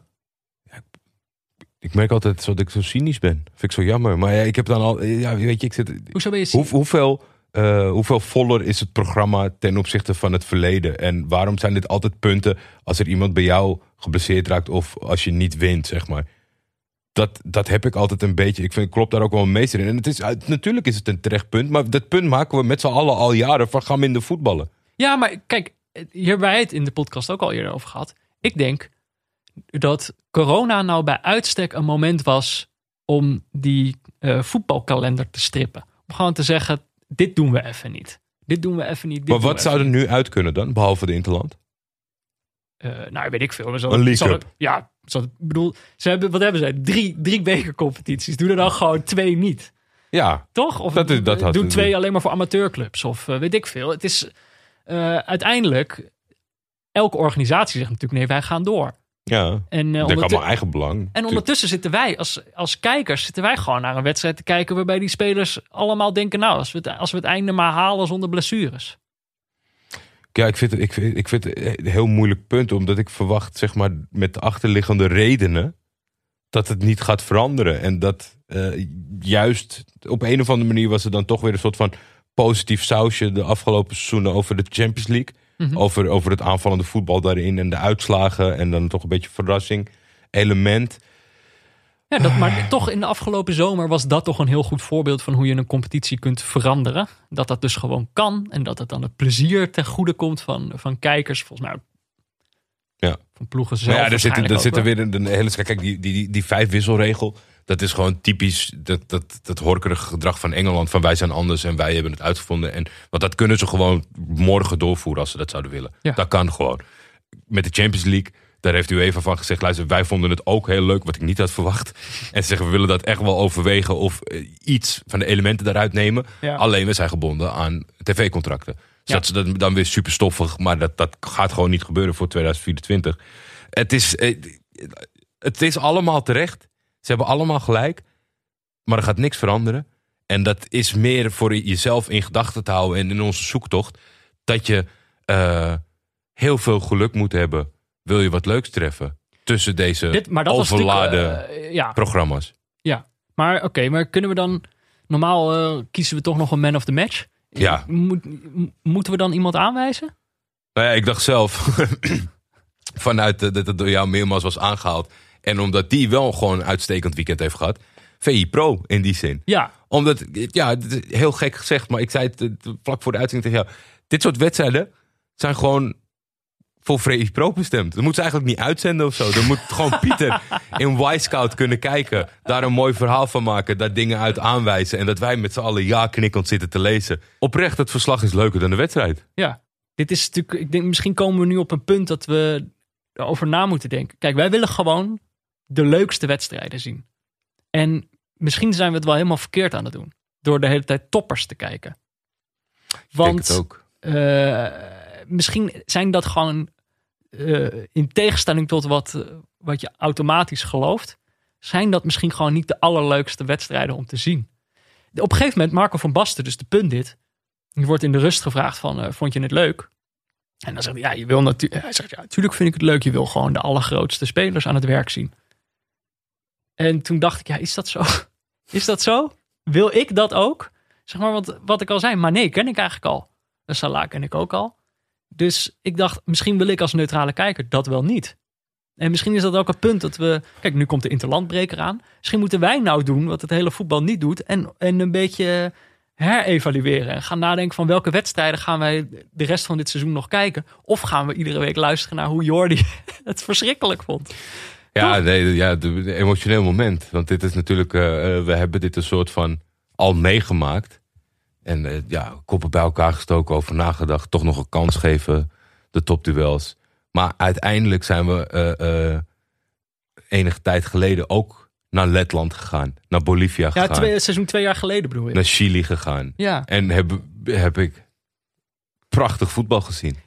En ook niet meer, maar dan Geen goed voetbal. niet, nee, hoeft ook niet. Maar volgens mij ligt de waarheid ook daar ergens. De, de conclusie was ooit: het voetbal moet niet te goed zijn voor de neutrale kijker. Mhm. En dat kom je toch wel keer op keer tegen op het moment dat Sterker nog, de allerbeste op het zou het niet staan. kunnen dat het eh, door corona dat nog meer waar geworden is? Dat, je, dat de toppers nog meer met de. Dat zijn uiteindelijk de ploegen die de meeste wedstrijden moeten spelen. Dat zijn de ploegen die eh, het minst risico willen nemen, waarschijnlijk.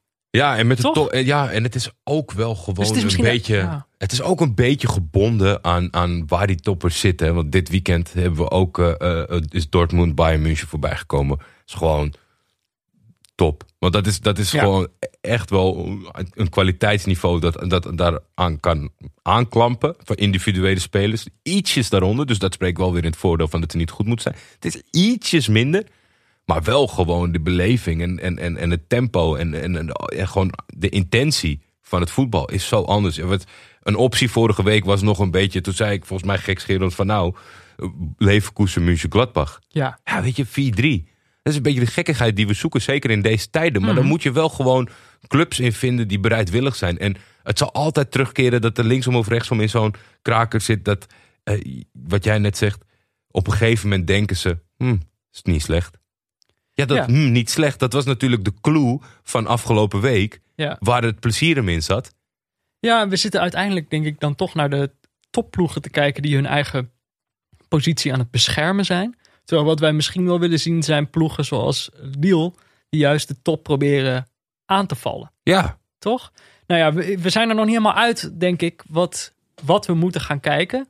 Maar ik denk wel dat het voor- neutrale kijken, dat we er op dit moment wel achter komen dat het beter is om avontuurlijker te gaan kijken. Ik zag een stuk voorbij komen op eh, New York Times ja. van Rory Smith eh, over Bodø Glimt. Iets over gehoord? Die Gelezen scoren misschien? heel veel, denk ik, of niet? Dat is een ploeg in eh, Noorwegen. Ja. Staan nu eh, ruim bovenaan. Ik heb een korte periode doorgemaakt als Noorwegen-watcher. Ja, Dus, eh, precies, ik ben, precies. goed op de hoogte. Kijk, ik weet ook niet precies. Het, punt is een beetje, die hebben een soort uniek seizoen. Het is helemaal geen topploeg in, in Noorwegen. Maar die zijn nu gewoon als underdog die hele competitie over de knie aan het leggen. Met een soort kamikaze-stijl voetbal. Ja. Schrijft Rory. Ja, er, is, er, is, er is al één jongen vertrokken naar. eh, maar blijkbaar kunnen ze dus toch, als dat artikel er nu is, kunnen ze vast blijven, weten ze vast blijven houden. Eentje is vertrokken naar Milan. Die, eh, maar ik denk ook, Er zijn twee vleugelspelers, volgens mij, Peter, na tien wedstrijden met 14 goals en 7 assists of zo. Dat sloeg helemaal nergens op. Ja, maar kijk, dan lees ik dus eh, kamikaze-stijl. Het punt is dus een beetje, ze hebben een uniek seizoen, maar ze moeten het in het lege stadion spelen. Ja, Kijk, een eh, City of Liverpool, die kan, dat misschien, kan er wel mee leven. Maar voor Bodø Glimt is het misschien een beetje zo van, ja, het gebeurt nu. Nu hebben we al deze jongens, straks zijn ze allemaal weg. En nu is er niemand om het te zien. Toen dacht ik, dat is eigenlijk eh, misschien het avontuurlijke waar wij nou op zoek zijn. De competitie duurt niet heel lang meer, maar volgens mij, als we voor het, voor het einde van het jaar nog een keer Bodø Glimt gaan kijken, eh, dat is dan iets waarvan ik denk, misschien is dat een andere route die we, die we in moeten slaan. Nou ja? Eurosport, als jullie geïnteresseerd zijn, dan eh, horen we jullie. Ik denk dat het even tijd is. We hebben genoeg eh, gepraat over deze wedstrijd. Misschien eh, is het tijd voor een minuutje diepteanalyse. Zeker. Eh, mensen kunnen, vrienden van de show, kunnen vragen insturen. naar, eh, voor Pieter Zwart. Ja, maar ze zijn gewoon recalcitrant, Peter. We hebben weken gesmeekt om een audiobericht. Ja. Toen hebben we een, een categorie voor ze gedaan. Doe het maar gewoon schrijven. Want als jullie dat eng vinden, komt er geen schrijvende vraag. Komt er een vraag via een audiobericht. Ja, van uh, Cornino eh, 9000. Die heeft de volgende vraag voor, eh, voor Pieter. Beste Pieter, als iets tijdens een voetbalwedstrijd ook maar de schijn heeft van een terugspeelbal, begin ik al enthousiast te worden. In hoopvolle afwachting van de indirecte vrije trap binnen de 16 die erop gaat volgen. Het lijkt me voor de ploeg die hem tegenkrijgt wel erg lastig om er nog iets tegen te doen. Mijn vraag is dan ook: is zo'n huismerkpenalty eigenlijk überhaupt te verdedigen? En zo ja, hoe kun je dat dan het beste doen? Ik kijk uit naar je analyse. Nou, ik ben benieuwd. Pittige. De indirecte vrije trap, hoe, hoe moet je die verdedigen? Kijk een pressing. Kijk een pressing. Als ik jouw vraag zo hoor, dan heb ik het idee dat je in ieder geval geleerd hebt om met teleurstellingen om te gaan. Indirecte vrije trappen in de 16 komen namelijk zelden voor. Hoogstens een paar keer per seizoen. Dat is direct de reden voor de volgende teleurstelling. Ik kan er eigenlijk niets zinnigs over zeggen. Waarom je daarmee af te schepen is wat flauw. Dus ik ben in het wetenschappelijke onderzoek naar indirecte vrije trappen gedoken. Binnen het strafschopgebied tref ik daar opnieuw een woestijn aan qua informatie. Niets te vinden. Maar daarbuiten valt er wel wat te vinden. In de kern komt het hierop neer. Een indirecte vrije trap heeft de grootste kans op succes als er over de grond de 16 wordt ingebracht, met meerdere opties voor het aanvallende team. Precies wat er bij een indirecte vrije trap in de 16 per definitie gebeurt. Over verdedigen is ook de nodige data bekend. Van het aantal spelers dat mee teruggaat tot aan het type organisatie. Mandekking, zonderdekking of een combinatie daarvan.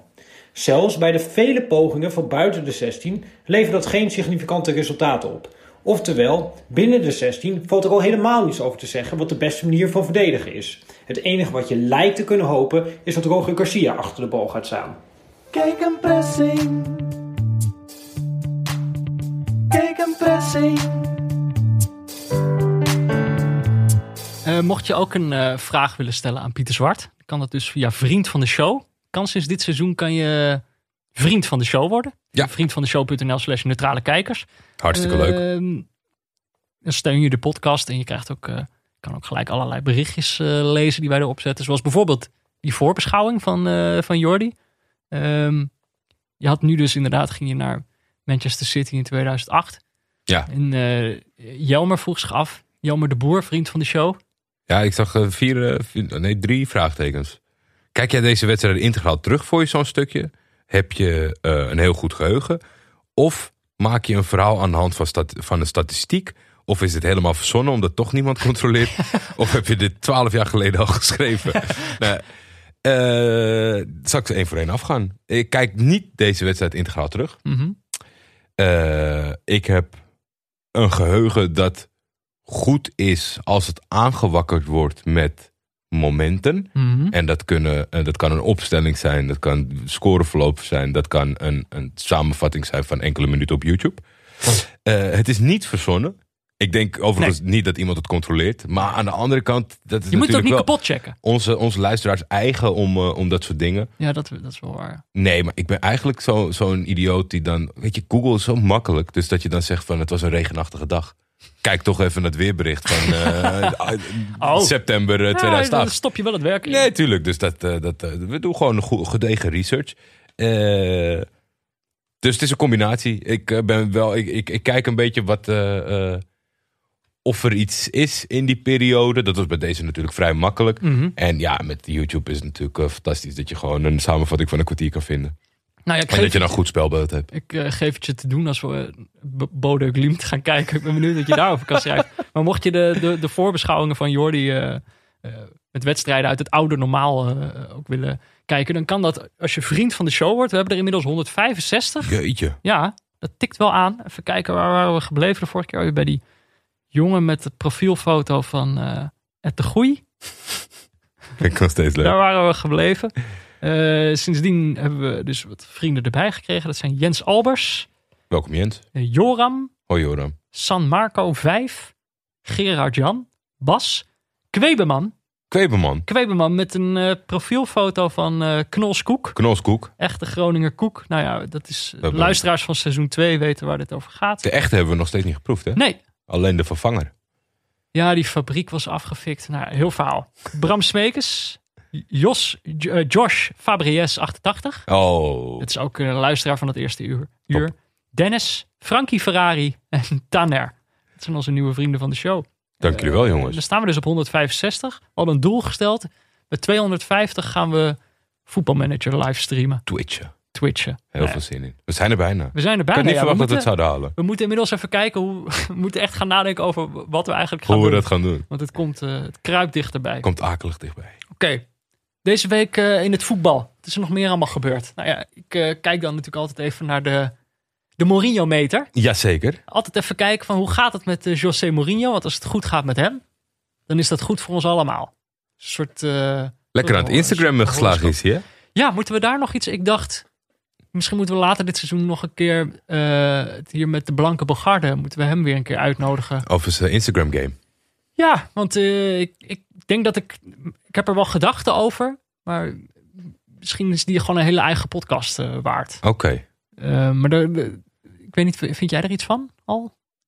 Ik, tot, tot nu vind ik het leuk. Het is wel leuk, hè? Tot nu vind ik het leuk. Maar het kan, het kan flauw worden op een gegeven moment, denk ik. Ik hoop het Het is niet. het gevaar van flauw worden. Maar ik had een paar andere dingen. Oh, de- twee wedstrijden gespeeld? Tottenham, ja, Europa League. gewonnen. En in de competitie in de slotfase gewonnen Eh, van West Brom. Ja, maar dan, kijk, eh, Tottenham wordt inmiddels een beetje de kampioens... eh, Outsider. ja, de outsider positie ingeschreven. En dan eh, Mourinho wordt er dan mee geconfronteerd. En hij zegt dan, ja, it is not a couple of victories that put me on the moon. And it is not a couple of uh, defeats that sent me down to hell. Dacht ik, dat is wel gelijk een mooie. Ja. Terwijl als je hem dan ziet juichen bij die winnende goal tegen West Brom. Ja, Zit hij bijna op de heel, moon. ja, heel uit richting Moon zit hij dan wel. Ehm, maar ja, hij weet het dan wel gewoon goed, eh, goed te verkopen aan het... eh, kijk, dit is natuurlijk wel het spel. Hè? Je moet niet zeggen, ja, wij gaan voor het kampioenschap. Je moet altijd zeggen, ach wel nee.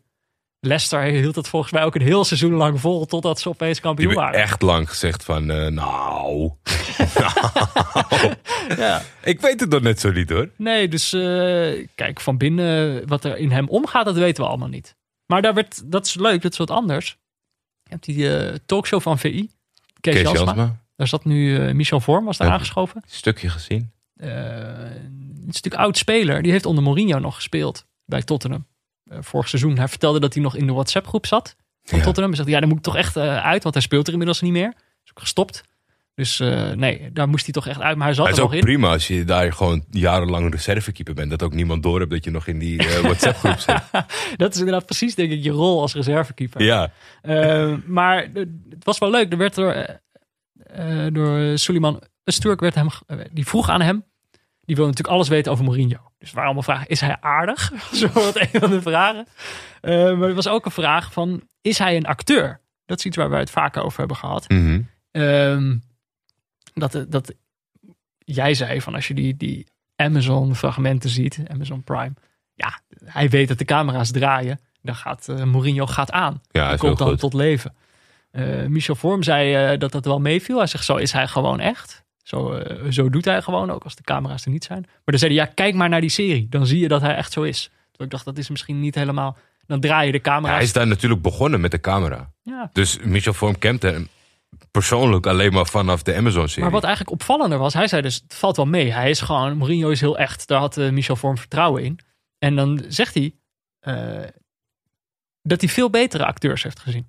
Oh, Veel trainers die veel beter konden acteren. Toen dacht ik, ja, oké, beter dan Mourinho. heeft hij naam genoemd? Toen ging ik, nee, daar wilde hij dan niks over zeggen. Ah, Maar Michel. ik ben er gaan zoeken, wie kan dat zijn? Dus in zijn profcarrière heeft hij eh, bij FC Utrecht, Den Bosch, Swansea en Tottenham Hotspur gespeeld. Ja. De trainers die hij in die periode heeft gehad, is Fouke Boy, Nee, nee hè?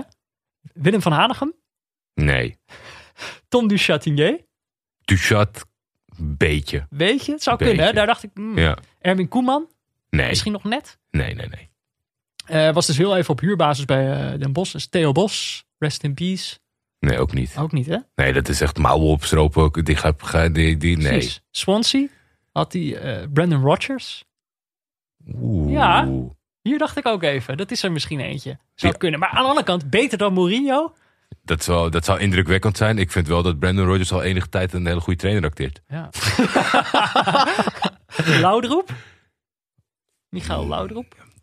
Ook niet, hè? Zo'n stugge Deen, dat kan niet. Nee, maar dat En zou Gary, wel... Monk. en Gary Monk. Ja, ook niet. Oh, Monk wel. Ja? Ja. Oeh. Oeh, die vind ik heel... eh, Want de, de, de, Monk wantrouw ik al als hij op de bank ken die helemaal niet. Alleen als ik gewoon een shot zie van de bank. Nee, dat moet ik niet. Maar ik denk dat hij bedoelt met acteren. Dat zo iemand die zegt van... Oh, Michel, je bent topper. En je zit tegen de baas. Nee, de vraag was een beetje van... heb je dan dat, eh, dat hij eh, in de kleedkamer helemaal verrot scheldt... en dat hij vervolgens voor de camera eh, mooi weer speelt? Oh, Zeg zo. maar. Dus dat hij je voor de camera in bescherming neemt... maar dat hij je daarachter eh, flink aanpakt. Oh, ik dacht midden persoonlijke omgang. Dat, dat lijkt me heel vervelend als je trainer-acteur is. Ja, maar ik weet, niet, ik weet ook niet precies hoe Michel Vorm dit geïnterpreteerd heeft. Maar toen bij Tottenham heeft hij nog Tim Sherwood, Sowieso een acteur. Pochettino... Mm, nee. Ja, en dus Mourinho dan op dat moment. Maar ik, kan, ik dacht, ik wil weten wie de, wie, de, wie de beter is. Maar dit rijtje...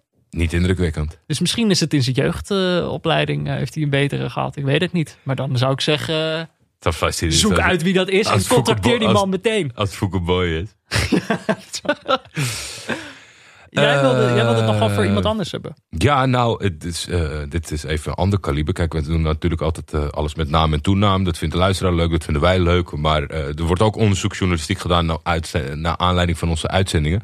eh, waar ik even niet de bron kan noemen. Oh. Ik, Jij moet die beschermen. ik moet die beschermen. Oké, waarom? Maar ik denk na zoveel aflevering dat men mij wel kan vertrouwen op het feit, over, over de echtheid. Eh, er werd mij wat toegespeeld. Jij hebt, we hebben het over Vitesse gehad. En volgens mij had jij het over dat, dat Thomas Letch, de trainer, eruit ziet als een, eh, een goede bad guy. Ja, volgens mij met de opmerking dat ik niet veel over, dat ik niet veel over hem wist. Nee, Dat ik alleen maar dat is, zo beoordelen op basis van zijn looks. dat is zo fascinerend van jouw radar. Is dat je gewoon heel, heel, heel dichtbij kwam. Want als, het, is echt, het is een echte bad guy. Hij heeft namelijk eh, in, in zijn tijd volgens mij...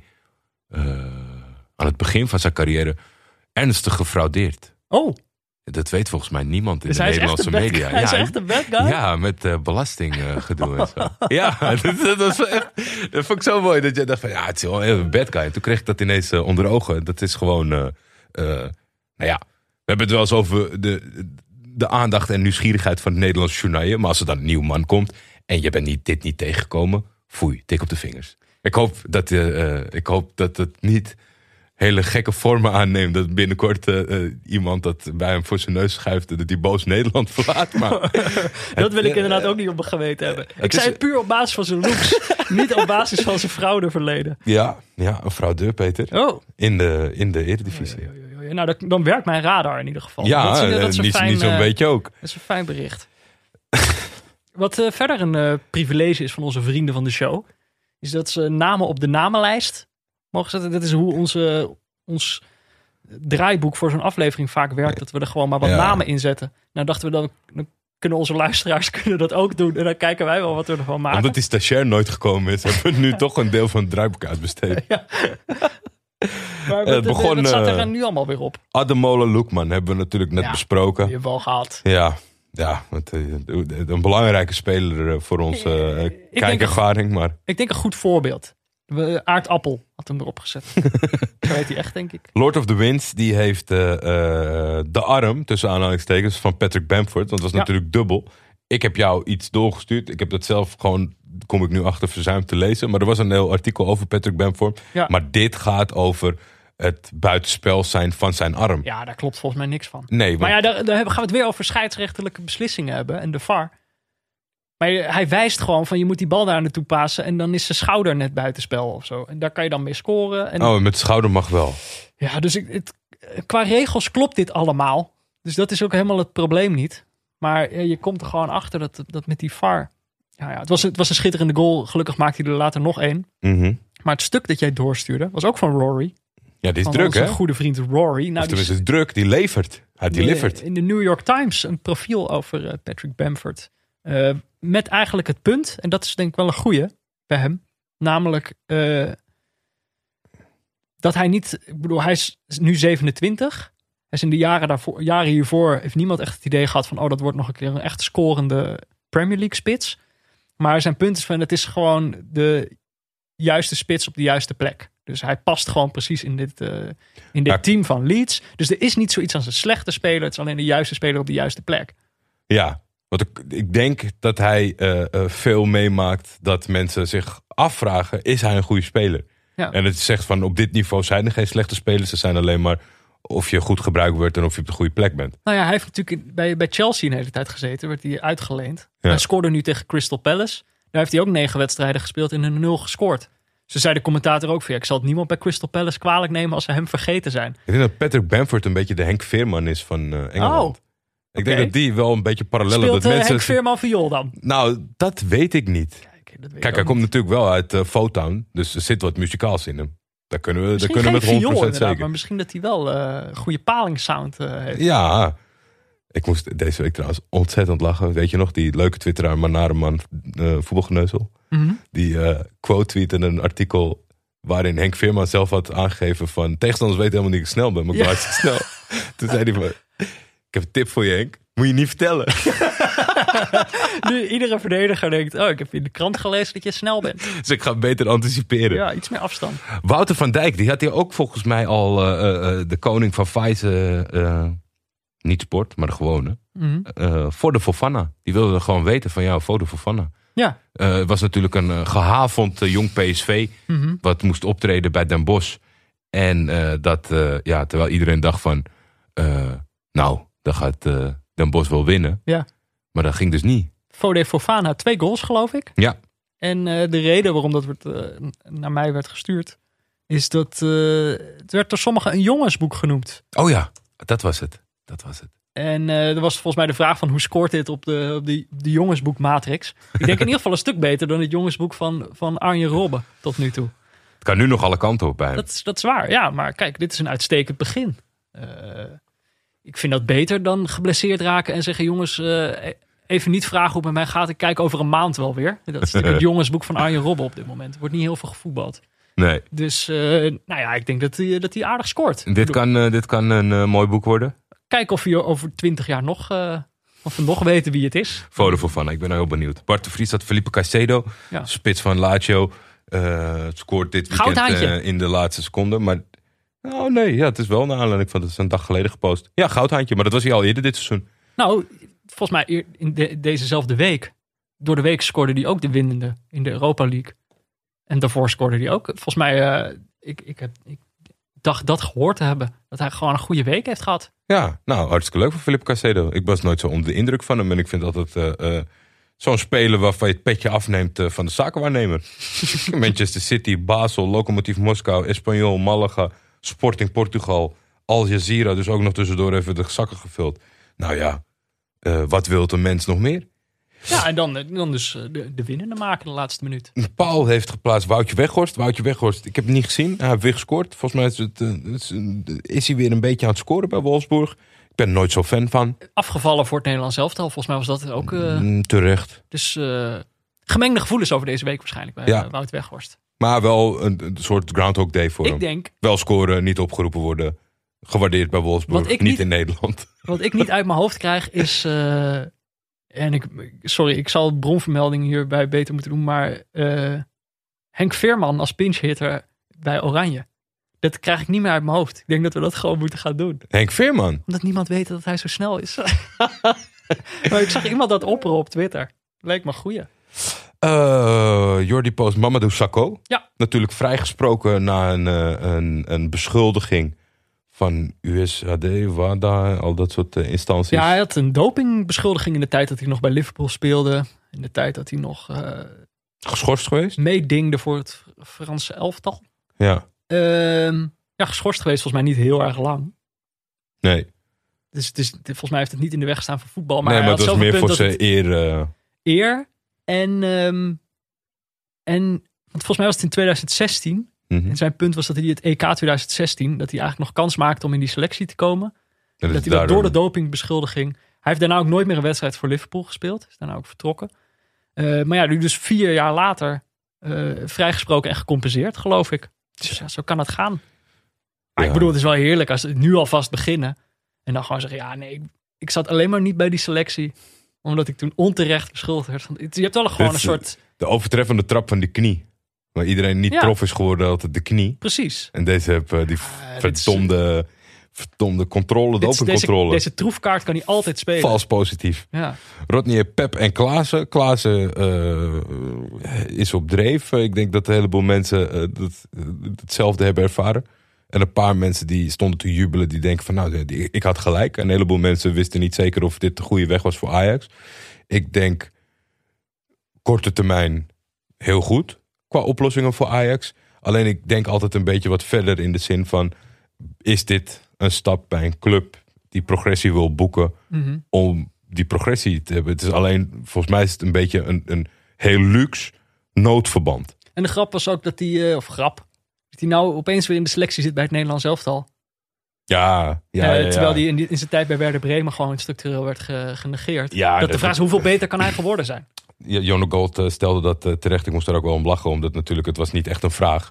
Want de, de tweet was, is hij nou zoveel beter nu dan dat hij bij... Daar wordt een beetje de suggestie mee gewekt... dat ze misschien bij het Nederlands zelf dan niet altijd iedereen even goed bekijken. Ja. Nou ja, daar bestaan wel eens twijfels over. Kijk, het is, laat ik vooropstellen, ze zien echt wel van alles en nog wat. Alleen, en dat is, dat is weet je, het publiek krijgt ook, eh, eh, ja, je krijgt wat je toekomt of zo. Of, ik weet niet hoe je dat het beste zegt. Eh, het Nederlands publiek is ook als je iemand drie keer ziet hoog houden bij PSV, dat je hem liever in oranje wil dan dat iemand fantastisch is Ja, bij Granada. Ik, dat weet niet, is ik, gewoon zou, ik zo. zou toch denken dat de bondscoach een iets, iets betere beslissing zou moeten nemen. Nou ja, als je kijkt naar de aanstelling, Ja. Dat is toch ook, eh, dat hebben we toch ook meegemaakt. Eh, dat eh, soort van Godzijdank hoeven wij dat interlandvoetbal maar niet te kijken, joh. de media bepaalt. Dat is fijn, hè? Valentino Lazaro Ja. is kans hebben voor de Puskas Award, vindt iedereen op internet. Want altijd als je een gekke goal maakt, dan zegt iedereen stop Ja, of een afstandsschot. Dat, Puskas Award is vergeven. Dit was een scorpion kick goal. Ja. Ja, dus hij duikt voorover, een beetje van de waard, maar dan verder weg. Ja. Eigenlijk mooier, harder. Ja, het was echt een voltreffer. Ik, altijd- ik kan er wel van genieten. En gewoon weglopen. Eh, Gewoon ook niet, hij is, dit is ook knap, zo'n goal maken en niet eh, zelf door het lint gaan. Ja, Gewoon weg, gewoon weer terug naar de middenstip. je weet wat... eh, Het was ook het was de 4-3. Je weet wat Super Mario altijd, eh, of ooit gezegd heeft, hè? Een, een postbode gaat ook niet juichen als hij de brief in de bus doet.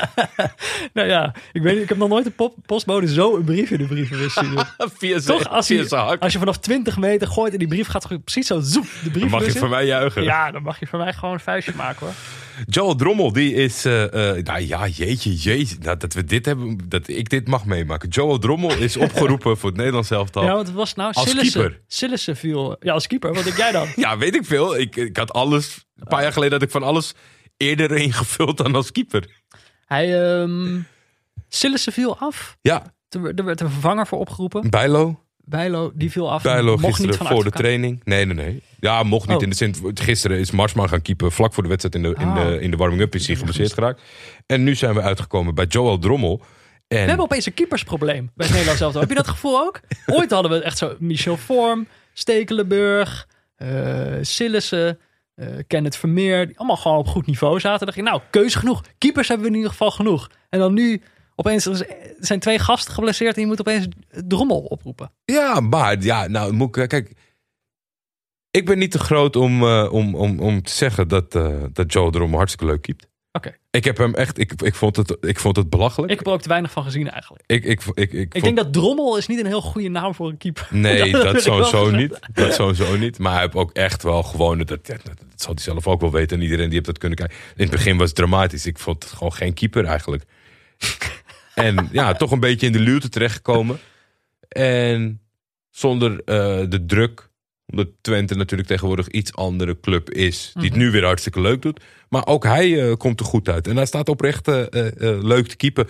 Is het Nederlands elftal materiaal? Nee, maar zoals je zegt, er zijn er twee afgevallen. We zitten er niet breed in. De A-keeper of de eerste keuskeeper, die keept niet eens. De- de- zo, Nee. zo staan we ervoor. Volgende is een, is een mooie. is van Imre van der Heijden. Die eh, zet als naam op de lijst Ali de Aap. Ja, Ali gaat hard, hè?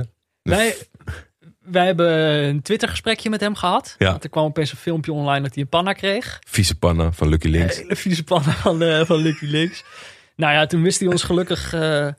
want die mascottes waren tegen elkaar aan het voetballen of zo. Dat is dan ook weer. Je krijgt opeens een soort inzicht in een universum.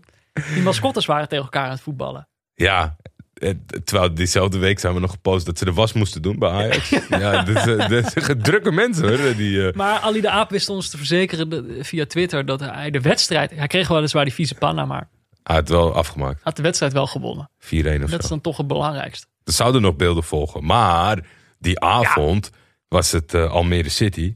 En daar eh, was hij natuurlijk eh, eh, vol in functie. We hadden het erover, toen we het over mascottes hadden, van, die hebben niks te doen, want er is geen publiek in het stadion. Maar daar, Ali de Aap heeft daar dus een oplossing voor gevonden. Er kijken natuurlijk wel mensen. Ja. Ook niet superveel naar, naar Almere City, maar ik heb de beelden voorbij zien komen Ja, van hem. Wat hij was nou? eerst verstopt in de, in de kliko. en was, eh, net, eh, de camera had hem net te pakken toen hij even uit de kliko kwam kijken. Ja. En daarna, volgens mij bij de 1-0, eh, kwam hij met een, met Nee, een 2-0 spandoek. het geloof ik. Nee, bij de 1-0 kwam hij met een Oh. spandoek van stop de count. Ja. En toen was hij iets te uitbundig aan het juichen. Is hij het stadion uitgezet. En daar waren ook nog beelden van dat het stadion wordt uitgereden. ja, Ali de Aap. Ja, dat is het echte mascottewerk. Maar dat dacht ik, ja, het kan dus wel. Je kan Maar- gewoon Ik hoop niet dat, die, eh, dat, dat, dat Ali het zo goed doet dat de, dat de rest denkt van nou, wij worden nooit zo leuk als Ali, dus we, we, Dat hij de lat te hoog legt. dat hij de lat hoog legt voor die anderen. Ik ben benieuwd eh, wat we gaan zien in uh, Mascotteland aankomende week.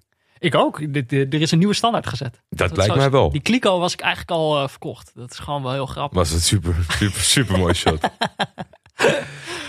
Eh, Soler. Soler is denk ja, ik Rode van Haan die zegt Soler. Dat is die... eh, dat is die Valencia?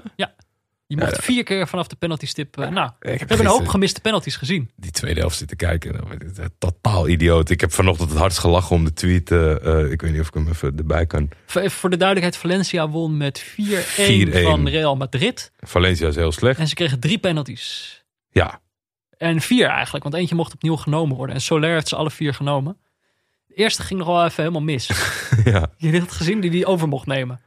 Dus Ja. hij, hij schiet, keeper die, die houdt hem, dan krijgt hij hem terug. Schiet hij zelf op- nog een keer op de paal. En dan komt er een jongen vanaf rechts die hem, eh, die hem eindelijk binnenlegt. Maar ik, de, de statistiek die vond ik het mooi. Sergio Ramos, Marcelo en Lucas Vasquez all conceded penalties voor Real Madrid at Valencia. The only defender who did not was Rafael Varane, who instead scored een own goal. dus het was een lekker rijtje. Ja, Ja, die nee, saboteerde dit- zichzelf. Ze zijn een beetje... eh, eh, ze zijn echt slecht. Real. Real is echt slecht. Komen nog wel af en toe weg, zeg maar, omdat ze gewoon individueel wat kwaliteit hebben. Nou, maar het zijn echt slecht aan het voetbal. Die eh, Spaanse stand ziet er ook hartstikke raar uit. Ja. Heb je dat gezien? Dat is Ja. ook echt... eh, Barcelona staat eh, nog lager. Die hebben ook iets min- minder wedstrijden gespeeld. Ja, Maar het is gewoon een rare stand. Dus misschien krijgen we toch wel echt coronastanden dit jaar. Karel Eiting, Ja, Gescoord. Ik zie, scoren bij Huddersfield. hartstikke leuk voor hem, toch? tegen de raads ingekopt. Meteen in het elftal van de week, zag ik via Instagram. Van, Oh, de, van de championship. dat is leuk. Dus, eh, nou ja, volgens mij hij is er op huurbasis, toch? Nee, Is ik hij definitief? niet. Ik dacht dat hij definitief vertrokken was. niet, of is het misschien zo'n huurbasis dat hij uiteindelijk... eh, Met verplichte koop. ja, Dat zou nog kunnen. Mario Gutsen, Arnoud. Ja, die is. Die Wereldkampioen, hè? Ja, wereldkampioen geweest. Ja. Nou ja, hij is natuurlijk bij ons in het blokje langsgekomen toen hij net door PSV gehaald was. En stelden wij de vraag, zou het een miskoop kunnen zijn? Mhm. Ik denk, ja, ik zal bijna durven zeggen nee. De vraag was eerst van, is die jongen wel fit? Nou ja, hij speelt, hij, Veel. hij speelt veel, veel meer dan heel veel andere spelers. Nee, die hebben dan natuurlijk wel allemaal eh, corona, Corona. gehad. dus dat is lastig. Maar ja, volgens mij is dat geen miskoop. Dat kan je nu volgens mij al wel zeggen. Die gast speelt hartstikke goed. Je ziet het gewoon wel aan alles dat die gast heel erg goed is. Ja, zeker weten. Ik, ik, ik heb nog wel iets. dit Zeggen, al die andere gasten hebben corona gehad. Ik vind wel weer iets dat. Als er. eh, Er zijn vandaag natuurlijk positieve berichten over een eventueel vaccin gekomen. Dat. Eh, straks heeft de hele selectie van PSV het gehad en hij niet. En dan eh, komt het vaccin en dan zijn ze allemaal opge... En dan krijgt hij uitslag van het vaccin. Zeg maar dat. Hij heeft altijd zo'n soort van eh, pechfactor Oh, ja, ja, over hem heen. Dat als het. Als het bij de rest allemaal oké loopt, dan heeft hij het weer anders. Nou ja, maar niet. Nee, ja, Mag ik dan iemand anders? Volgens mij staat hij ook op de namenlijst. Ik heb, ik, ik heb natuurlijk een verleden met PSV. Eh, Ja. toen ik opgroeide waren al mijn eh, vrienden voor PSV. Dus ik heb altijd gemengde gevoelens als ik naar die... eh, alweer, daar zijn ze weer. Als ik naar die club kijk. Maar Dumfries, dat vind, ik, daar, dat vind ik gewoon een leuke voetballer. Daar hou ik gewoon van. En die was, heeft, doet het volgens mij vaak genoeg ook slecht. Maar die was nu echt fantastisch in deze wedstrijd tegen Willem II. Ja, hij heeft een dribbel. Als je, ik weet niet, als je die nog niet gezien hebt, kijk hem even terug. Je kan het eigenlijk nauwelijks een dribbel. Volgens mij is het de goal van Gutsen dat hij de assist geeft. Ja, hij, hij heeft al drie, vier keer op de grond gelegen en dan toch weer opstaan en dan toch weer dezelfde speler nog een keer voorbij eh, spelen. Het is een geweldig eh, duel. Het is, Suarez heeft soms rommelige dribbels. ja. Dit was echt dat keer tien. Ehm, maar ik, ik geloof in eh, Denzel Dumfries. Ik zie hem nog wel naar de top gaan. Ik ben heel erg benieuwd, want hetgene wat mij als enige, wat ik, wat ik zeg maar voor hemzelf een vervelende factor vind, is dat hij op en top gemotiveerd is, 94 minuten alles geeft, maar het slaat nooit echt over op de ploeg. Snap je wat ik, een beetje wat ik bedoel? Mhm. Ja, ik snap precies wat je en bedoelt. dan ziet het er altijd een beetje. Dan denk je, wat is die ene gast nou aan het ja, waarom is hij zo overdreven aan het doen? Ja. Maar dat is gewoon wie die is. En dat maakt. dus hij kan alleen maar zo spelen. En hij doet het hartstikke goed. En het zit eh, vaak genoeg bij het Nederlands elftal. Maar ik denk dat dat hem toch een beetje richting de top in de weg gaat zitten. Maar we zullen het zien. Ja, ik weet het niet. Ik denk juist als hij gewoon tussen een groep spelers staat bij, waarbij dat constanter is. De inzet, dat hij dan minder uit de toon valt. Dat, eh, kijk, dit is natuurlijk ook weer. Hij moet de juiste ploeg eh, kiezen. Dat denk ik wel. Ik denk niet dat hij overal tot zijn recht zou kunnen komen. Maar eh, ik, ik geloof in hem, dat wilde ik even gezegd hebben. Ik ben heel erg benieuwd. Adrie Poldervaart die was vervanger omdat... ik weet niet of hij een gekke uitspraak heeft gedaan. Eh, Danny Buis, trainer van Groningen, die had privéomstandigheden. En dan Ja. moest Adrie Poldervaart, die werd naar voren geschoven. Victor van Ham zet hem op de lijst. Ik weet niet waarom. Ja, sorry. Ik kan er niet meer van maken. John van Man- Brom? Manon, John van der Brom. Eh, interessant. Ik zei in alles... Oh ja, hij is vertrokken naar Genk. Hij is vertrokken Als een naar dief Genk. in de nacht. Ja, dat werd te veel gezegd inderdaad. Vond hij zelf heel vervelend, geloof ik. Eh, Nou, spelers toen het nieuws ook, naar buiten kwam, toen dacht ik echt, wow, dit is echt waar iedereen blij mee is. Utrecht heeft geen zin om stampij te maken, om, om weg te sturen en geld eh, en dat soort zaken. Het gaat niet zoals het gewend is, of gewenst is. Ja, ze zijn niet veel, de top aan het aanvallen. Veel geïnvesteerd, het, het, het komt er allemaal niet lekker uit. Ik dacht van, wow, dit is, dit is een topoplossing, man. En ik, ja, ik, ik ben heel erg benieuwd wat hij er bij Genk van gaat bakken. Ik hoorde vanuit eh, eh, de shotcasters. Eh, Guillaume stuurde een berichtje van... zal die Theo Jansen meenemen als assistent? Ik dacht, nou ja, Theo Jansen meenemen als. Ik heb geen idee, maar die schijnt... eh, die heeft natuurlijk een verleden daar. Mhm. En eh, ja, misschien is dat... John heeft altijd een goede veldtrainer nodig. Ik weet niet of Theo... Scheetje boertje Theo, of die... eh, ja, misschien is Genk wel gewoon een ploeg die dat nodig heeft. Ik weet het niet. Ik weet het ook niet. Ik, eh, ik gun John van der Brom, ik vind het een sympathieke vent. Maar ja, ik, ik, d- het komt er maar niet echt uit. Het is nooit slecht, het is nooit supergoed. Daniel zegt Martin Jol. Oh, het Haagse slangennest. Ze hebben een trainer, die, ja, die hebben een trainer wel weggestuurd. Oh, ik, Omdat hij niet luisterde naar ik Martin weet daar helemaal het fijn niet van, maar ik vind het gewoon leuk om een slangen, slangenkuil te noemen. Ja, maar- En ze hebben dus twee assistenten, Mhm. eh, Rick Hogendorp en Michel Santoni.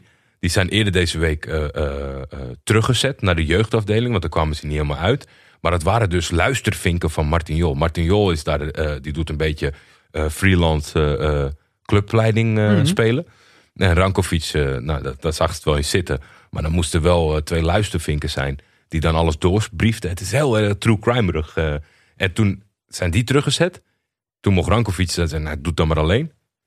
Ze, hebben ook, ze hadden een. Chinese eigenaar, maar die was weg toch? En dan toch dat hele afluisteren, dat... eh, Nee, die, die, op papier is de China nog de eigenaar. Ah, ja. Maar het is gewoon wel, best wel gewoon triest. En ik, ik merk, je merkt ook wel, ik volg een paar jongens die, eh, die oude Den Haag supporters zijn. En eh, die gaan wel mee in het drama. Dat is ook wel mooi om te zien. En ze zeiden ook van, nou ja, Netflix had eh, met ADO dit jaar eh, in zee. Dat had echt prachtig geworden.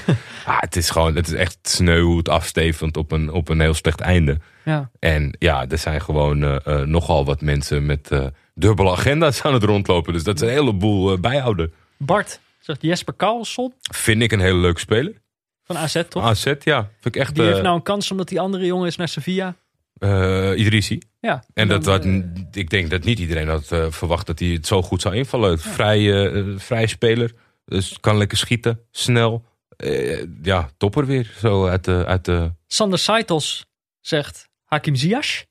Superster. ja. Was top bij Chelsea. Was geweldig om te zien. En, dat, gewoon heel blij dat het lukt. ja, eh, Terwijl je ziet het gebeuren en je denkt ook, ja, de, dit is gewoon hoe goed hij is. het is echt belangrijk geweest, die periode bij Ajax. Dat hij zo lang... eh, Dat hij zo, ja. Als je kijkt, wat hij kan nu al zichzelf zijn bij Chelsea. Ja. En dat, daar zit de kracht in van Hakim. En het, ja, het is fantastisch en iedereen gunt hem dat van harte, dat weet ik zeker. En, ik, En, ja, ja, er, er waren gelijk alweer gifjes van hoe die eh, jongen van Sheffield eh, zijn carrière beëindigt. Oh, dat was echt Dat rampzalig. trucje. Dat is een het, het- op het oog simpel trucje, maar ja, voor- vooral, vooral voor de reputatie van de ander Ik verschrikkelijk. vond het ook leuk. Ik zat echt te wachten tot ze bij Match of the Day een keer de loftrompet over Ziyech gingen afsteken. Ja. En het leek er al een keer op, ik geloof vorige week al een keer toen hij een hele goede wedstrijd had gespeeld. Maar nu was het natuurlijk wel echt goed en daar konden ze niet om hem heen. Keo waren ze ook, lovend. Ze waren helemaal Ja. lovend. Eh, Arnoud Mark van Bommel. Leuke man. Jezus, Peter. Eh, wil graag aan het werk. En ik heb het idee dat iedereen eh, die goed is met Mark van Bommel keihard aan het werk is om, eh, om Mark van Bommel weer een job eh, te Ja, genereren. hij heeft een soort... eh, Hou het overal genoemd. ja, hij heeft een soort eh, tour. Hij zit opeens in allerlei programma's. Ja, ik heb het niet gekeken. Hij zat natuurlijk bij Marco van Basten. Mhm. Met Marco van Basten bij Rondo. Ik heb het niet gezien. Hebben natuurlijk een verleden. Ja. Wat ik hoorde is dat het eruit zag dat het Mark nog dwars zat. En dat Marco van Basten het al, al lang en breed was vergeten. Oh joh. Die, die, staat, eh, die staat inderdaad heel anders in het leven. Ja, geen rancune. Eh, dan hebben we een Samuel Eto'o. Vond ik heel vervelend eh, om erachter te komen waarom die op de namenlijst geplaatst wordt. Die heeft een ernstig auto-ongeluk gehad in de Cameroen. Maar Ja. het, het, het, het was oké. Het was een heftig ongeluk, maar hij was stabiel, in stabiele toestand. Dus, eh, Ja, heb ik ook warme herinneringen aan. Niet Ja. dat, zeg maar, dat ik het anders minder erg had gevonden. Maar ik hoop gewoon dat hij, eh, dat hij goed goed, herstelt. eh, goed hersteld. Danilo, zegt Huub. Dat gaat, denk, gaat dat, is dat de Danilo van Twente? Dat denk ik wel. Eh, De ja. sensatie. Leuk hondje. Ik weet niet welke ras. Leuke, Of sensatie, ja. Maar dit vind ik dus... Oké, leuke verspreking. dit is Patrick Bamford. Geef me meer. Geef Ja. me meer. nee, maar dit is het voorbeeld wat Rory Smith zegt. Kijk, dit kan hij bij Twente. Ja, Dat wil niet zeggen dat hij, dat kan, dat hij dit kan bij Ajax. Ik- Niet dat ik heel veel mensen dat heb horen zeggen. Maar dat is misschien de gedachte die je heel even hebt. Van, ja, en als dat niet bij Ajax kan, maakt het hem dan slecht. Eh, nee, maar ik denk hij is gewoon een heel goede spits voor, voor dit voetbal, niet bij Twente. Ja. En waarschijnlijk heb je gewoon eh, tegenstanders die net iets meer ruimte geven. Die net iets verder naar voren verdedigen dan dat ze tegen Ajax zouden doen. En de ruimte is wat groter. Ligt hij misschien beter. Ja, en dan bedoel, dan moet je het alsnog flikken. Ja, Maar ik bedoel, je ziet wel aan zo'n jongen dat, dat het bij zo'n club kan. had je de interview gezien na de wedstrijd? was een verspreking met Engels. Oh, En nee. toen zei hij, hoeveel wil je er scoren? Toen zei hij 50. 100. Oh, En 50. toen, en toen zei hij, de commentator 50. Ik zei, ja, 1-5. Oh, 15. Ja, ja, ja, 50. Ah joh, denk niet, dan gewoon de vlucht naar voren en ga zeggen 50. Ja, hoezo 50, niet dan? ja. Hoezo niet? Denk je dat dat niet kan? Super awkward maken voor die man. Otto Versveld. Ja, deze moest ik even googlen. Ja, ik ben wel wat- blij dat ik het heb gedaan. Een kut leven, die man. Rijn zette deze op de, op de lijst. Otto Versveld. eh, Ja, ik moest Otto even is zoeken. eh, de keeper eh, eh, ten tijde van Helmond Sport. de- De penalty die tig keer herhaald is van Jesper Olsen en Johan Cruijff. Ja, maar hij heeft een tikje. eh, hernieuwde bekendheid. Ja, en het is weer niet leuk. het, is gewoon, het is weer niet leuk voor Otto. Dat is voor hem niet leuk. je- De, de luisteraars die het Twitter-account kennen. eh 80s Footballers Aging Badly. Er is nu een competitie, toch? Ja, ze hebben een soort competitie. Nou ja, om even uit te leggen wat het account is. De oude Panini-plaatjes van voetballers uit de 80s. eh, die eruit zien alsof ze in de 60 zijn. Het zijn En in de werkelijkheid gewoon zo nog jonger zijn dan ik. Ja, het heel erg. Eh, en Otto Versveld, ja, die doet het heel erg goed. En dat met zijn kaartje bij. eh, hij heeft eh, gewonnen van Paul Dyson. Die er ook uitziet alsof Hij hij, is gewoon 50 is. Kans hebben om in de prijzen te vallen, maar wat een rottigheid. Ik, Otto, ik, ik hoop dat je hem niet wint. Echt een leuk account. Nee, ja, ik ook niet. Doe maar iemand anders. Maar ik moest er wel om lachen. Sean Stegeman. Ja, wat moet ik daarvan zeggen? Oh, ik dacht. Daarboven stond Yusuf Yazici. Ja, daar kan je meer over vertellen. Nee, die heb je al genoemd. Ja, nee, ja, stond Sean Stegeman. Eh, Bram van Polen had in de media aangegeven dat ze als eh, team hadden aangesproken op de manier van uiten. Hij was natuurlijk helemaal uit stekken gegaan. Waarvan ik op zich. Het was wel legitiem. Eh Twente, of, Zwolle verloor. Thomas Lam werd gewisseld na, na 20 minuten. Oh ja, dat weekend daarvoor natuurlijk. Omdat Ja. hij eh, twee keer eh, door de 16 in de voeten van de tegenstander speelde. Ja, dat is echt, echt Gewoon de slechtste wedstrijd die je ooit hebt gezien. afschuwelijk. En dit weekend maakte hij het gelijk maken. Was wel leuk voor die jongen zelf. Ja, Sean Stegeman. En die gaat dan in een, eh, in een interview daarop terugkijken. Dan gaat hij in de derde fout over zichzelf praten. Ook dat is Sean Stegeman. En jullie vinden het allemaal leuk dat ik dan zo'n act opvoer. Terwijl hij die act aan het opvoeren is. Ja, ja, ja. Het is. Het is denk ik voor alle partijen beter. Goeie acteur. Nee. Oh, juist Nee. geen goede acteur. Nee, nee, nee, nee, nee, nee. Ik, eh, pff, ik- wat ik zeg, ik, ik volg wat mensen die, die gek zijn op Zwolle. Die, die kankeren al maanden Mhm. over het spel, over zo'n tegenman. Weet je, het, het wordt niet beter. Vaak zijn we bij voetbalclubs dat we denken van, nou, wees eens iets geduldiger. Kijk, Rankovic krijgt acht wedstrijden, moet de laan uit. Ja. Mocht het hele spel, het hele beleid En bepalen. John Stegeman zeg je, kom op. Ik denk het zo langzamerhand wel hoor. Nou, dan heb ik er nog een andere. de- Tanto Piet. Vriend van de show, Tanto. Die zette de naam Philip Cocu op de, op de Daar gaat lijst. niet goed mee, hè? Die staat laatste in de championship. Dus dat is, eh, En die heeft Wayne Rooney, hè? die heeft Wayne Rooney, ja. Ja, maar dat is klaar. Ja, wat? Wayne Rooney of... Nee, Philip Cocu. ja, zeker. Maar dan moet er dus een club zijn die bereid is 4 miljoen te betalen voor Philip Cocu. Een trainer die, die nergens echt eh geslaagd is. Ja, dat, eh, dat las ik. Dat is zijn contracten af te kopen. Ja, maar als ze hem ontslaan, dan moeten ze Ja, hem... Nou ja, precies. Nou ja, dan moeten ze zelf zoveel betalen. Maar ik denk dat ze Ja, maar toch... het is, eh, het is toch duurder dan dat je degradeert? eh, ja, maar ja, ja. Maar Nee, het is meer een beetje dat ik denk van wie, wie zeg maar... Ja, maar wie gaat er nu nog instappen? Je afkoopsom 4,4 miljoen ligt klaar. Ja, dat moeten ze dan zelf. Maar ja, precies. Het is goedkoper dan, eh, dan degraderen. Maar het is wel veel geld. Het is Philip Cocu. Dat je dan ook denkt, hoe is het zo, hoe heeft het zo ver kunnen komen? Dat het zoveel geld kost om hem... Je hebt natuurlijk ontevreden Eindhovenaren. Daarna is Fenerbahce ontiegelijk mislukt. En dan krijg je nu dit. Van waar komt hij nog aan de Hij bak, kan altijd Peter? nog, ja, bondscoach kan je dan altijd nog worden. Toch? Als je uit die generatie komt en het hartstikke slecht doet. Ja, omdat hij beter is eh, verbaal. Dat hij dan eh, assistent, nieuwe assistent wordt. Tot slot Thijs Bergsma. Michael van der Kruis. Ik kwam uit bij... Heb jij iets gevonden? Ja, er is een boek uitgebracht. Eh, Want wie is dit dan? ook oud voetballer? Michael van der Kruis is oud voetballer. Heeft wel bij, bij Graafschap lang gespeeld. Maar komt uit de Ajax-jeugd. Mhm. En er is, naar aanleiding van Pascal Heijen... Zij waren de superlichting bij Ajax. En nu is er het boek The Golden Boys. Ja, eh, je, je, zit, je hebt veel vragen. Die, de, eerste Michael- editie, ja. de eerste editie Michael van der is Kruis was ooit... een Golden Boy bij Golden Ajax. Boy. Daar hebben we het over de lichting Kevin Bobson, Daryl Douglas, Mark Stuut, Jeroen Verhoeven, Michael van der Kruis, Bobby Gering, Brutiel José en die van de meiden Kevin Bobson. Die maakte. Ja, die hebben het allemaal gemaakt.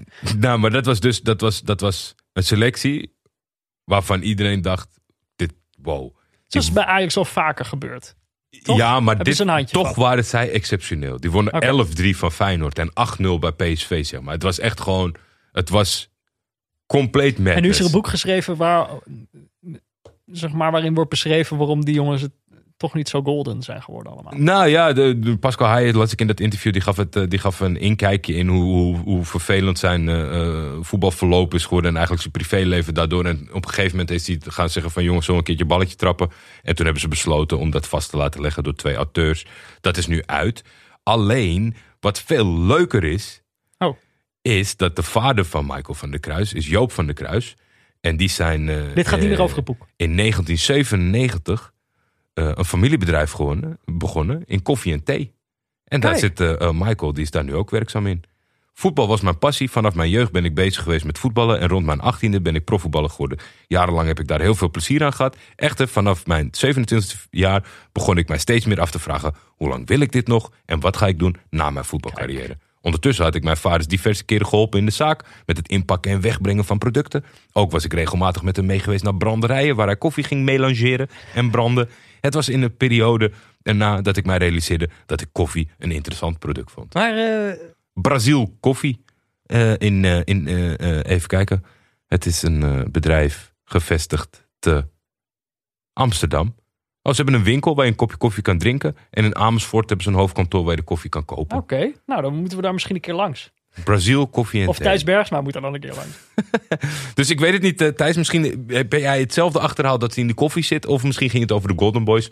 In beide gevallen, alsjeblieft. Nou, dat waren, dat waren de namen. Mocht je er ook één op willen zetten, ja, dat, dat mogen alleen vrienden van de show. Ja. Dus dan moet je even vriend van de show worden op vriendvandeshow.nl slash neutrale kijkers. Ehm, ja, oké. dan rest alleen nog de vraag, Jordi. Project Everton. Geloof je er nog in? Verloren van eh, Manchester Ja, United. nou, dat wou ik zeggen. Volgens mij heb ik weer Sigurdsson gezien.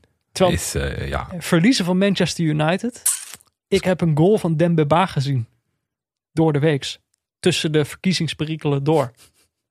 ja. Gewoon ongelooflijk. ja, dat, ja, weet ik, Waar ja, is die verdediging? Nou ja, kijk hem even terug. Als je zoekt op Dembaba, dan vind je het wel, denk ik. Tegen Manchester United. Nou, die ploeg heeft Everton dan nog eens van verloren. Ja, ik weet ook niet of we deze vraag nog langer moeten stellen. Ik maar denk het dat gaat het nu ook helemaal mis. Ja, moet- jij gelooft, jij hebt gewoon- geloof helemaal opgegeven. opbergen. Everton, het project Everton is opgeborgen. Want het begon Bestaat fantastisch dit seizoen en nu is het eh, Ja. kelderen. Ze zijn aan het kelderen. Ja. Dus eh, we, die, we gaan die vraag niet eens meer stellen. Nou goed, ehm, volgende week is het dus interlandbreek. Ik zou zeggen tegen alle neutrale kijkers, sla het lekker over. Mhm. Doe wat anders. Heroverweeg eh, je gewoontes. Ga een boek lezen. Ga een boek lezen eh, in een lekkere stoel. Eh, en wij zijn er natuurlijk wel. We gaan dus geen voetbal kijken, maar eh, we hebben wel een andere aflevering volgende week eh, dinsdag. Ehm, dit is ook je laatste kans. Mocht je nog iets willen vertellen in één minuut over je favoriete voetbalshirt uit jouw kledingkast, Oh ja. Ja, stuur dat dan in via Vriend van de Show. ik heb er vandaag nog vier gekocht. Vier voetbalshirts. Ja. daar gaan we het dus over hebben. Vertel nog maar niet. dan mag je me volgende week vertellen. Dan zijn we dan terug. En ja, daarna gaan we kijken wa- waar we heen moeten met het neutrale kijken. Hoe we dat het allerleukst maken in deze rare tijden. Want dat zijn het, hè? Misschien stoppen we Het wel. zijn gekke tijden. Hou je nooit van, hè? De suggestie weg. Nee hoor, stop helemaal niet, Stoppen, mensen. Niet stoppen. Niet stoppen. En mocht je tips hebben, dan kan je die natuurlijk altijd opsturen. Ja. Goed, Neutrale Kijkers is mede mogelijk gemaakt door Dag en Nacht Media. Hoofdsponsor op de borst is Auto.nl. De muziek is Tachanka van Leon Lischner en Friends en een adaptatie daarvan van Studio Cloak. De gegenpressing jingle is van Laurens Collet. De diepteanalyse is van Pieter Zwart en de artwork is nog altijd van Barry Pirovano. Eh, wil je meepraten? Dat kan. Je kan ons volgen op Twitter via buurtvader of @defef. Je kan ons mailen op neutralekijkers@gmail.com of je kan, zoals we al zeiden, vriend van de show worden met een kleine donatie via vriendvandeshow.nl/slash neutralekijkers. Dan krijg je updates, de voorbeschouwingen van, van Jordi. Je kan een naam op de namenlijst zetten en je kan ons dus spraakberichten sturen. Wat zo af en toe iemand doet. Toch wel gezellig. Hartstikke leuk. Daar zijn we vrienden voor. Verder, houd afstand, blijf neutraal. En eh, volgende week zijn we er weer. Tot dan, Jordi. Tot dan, Peter.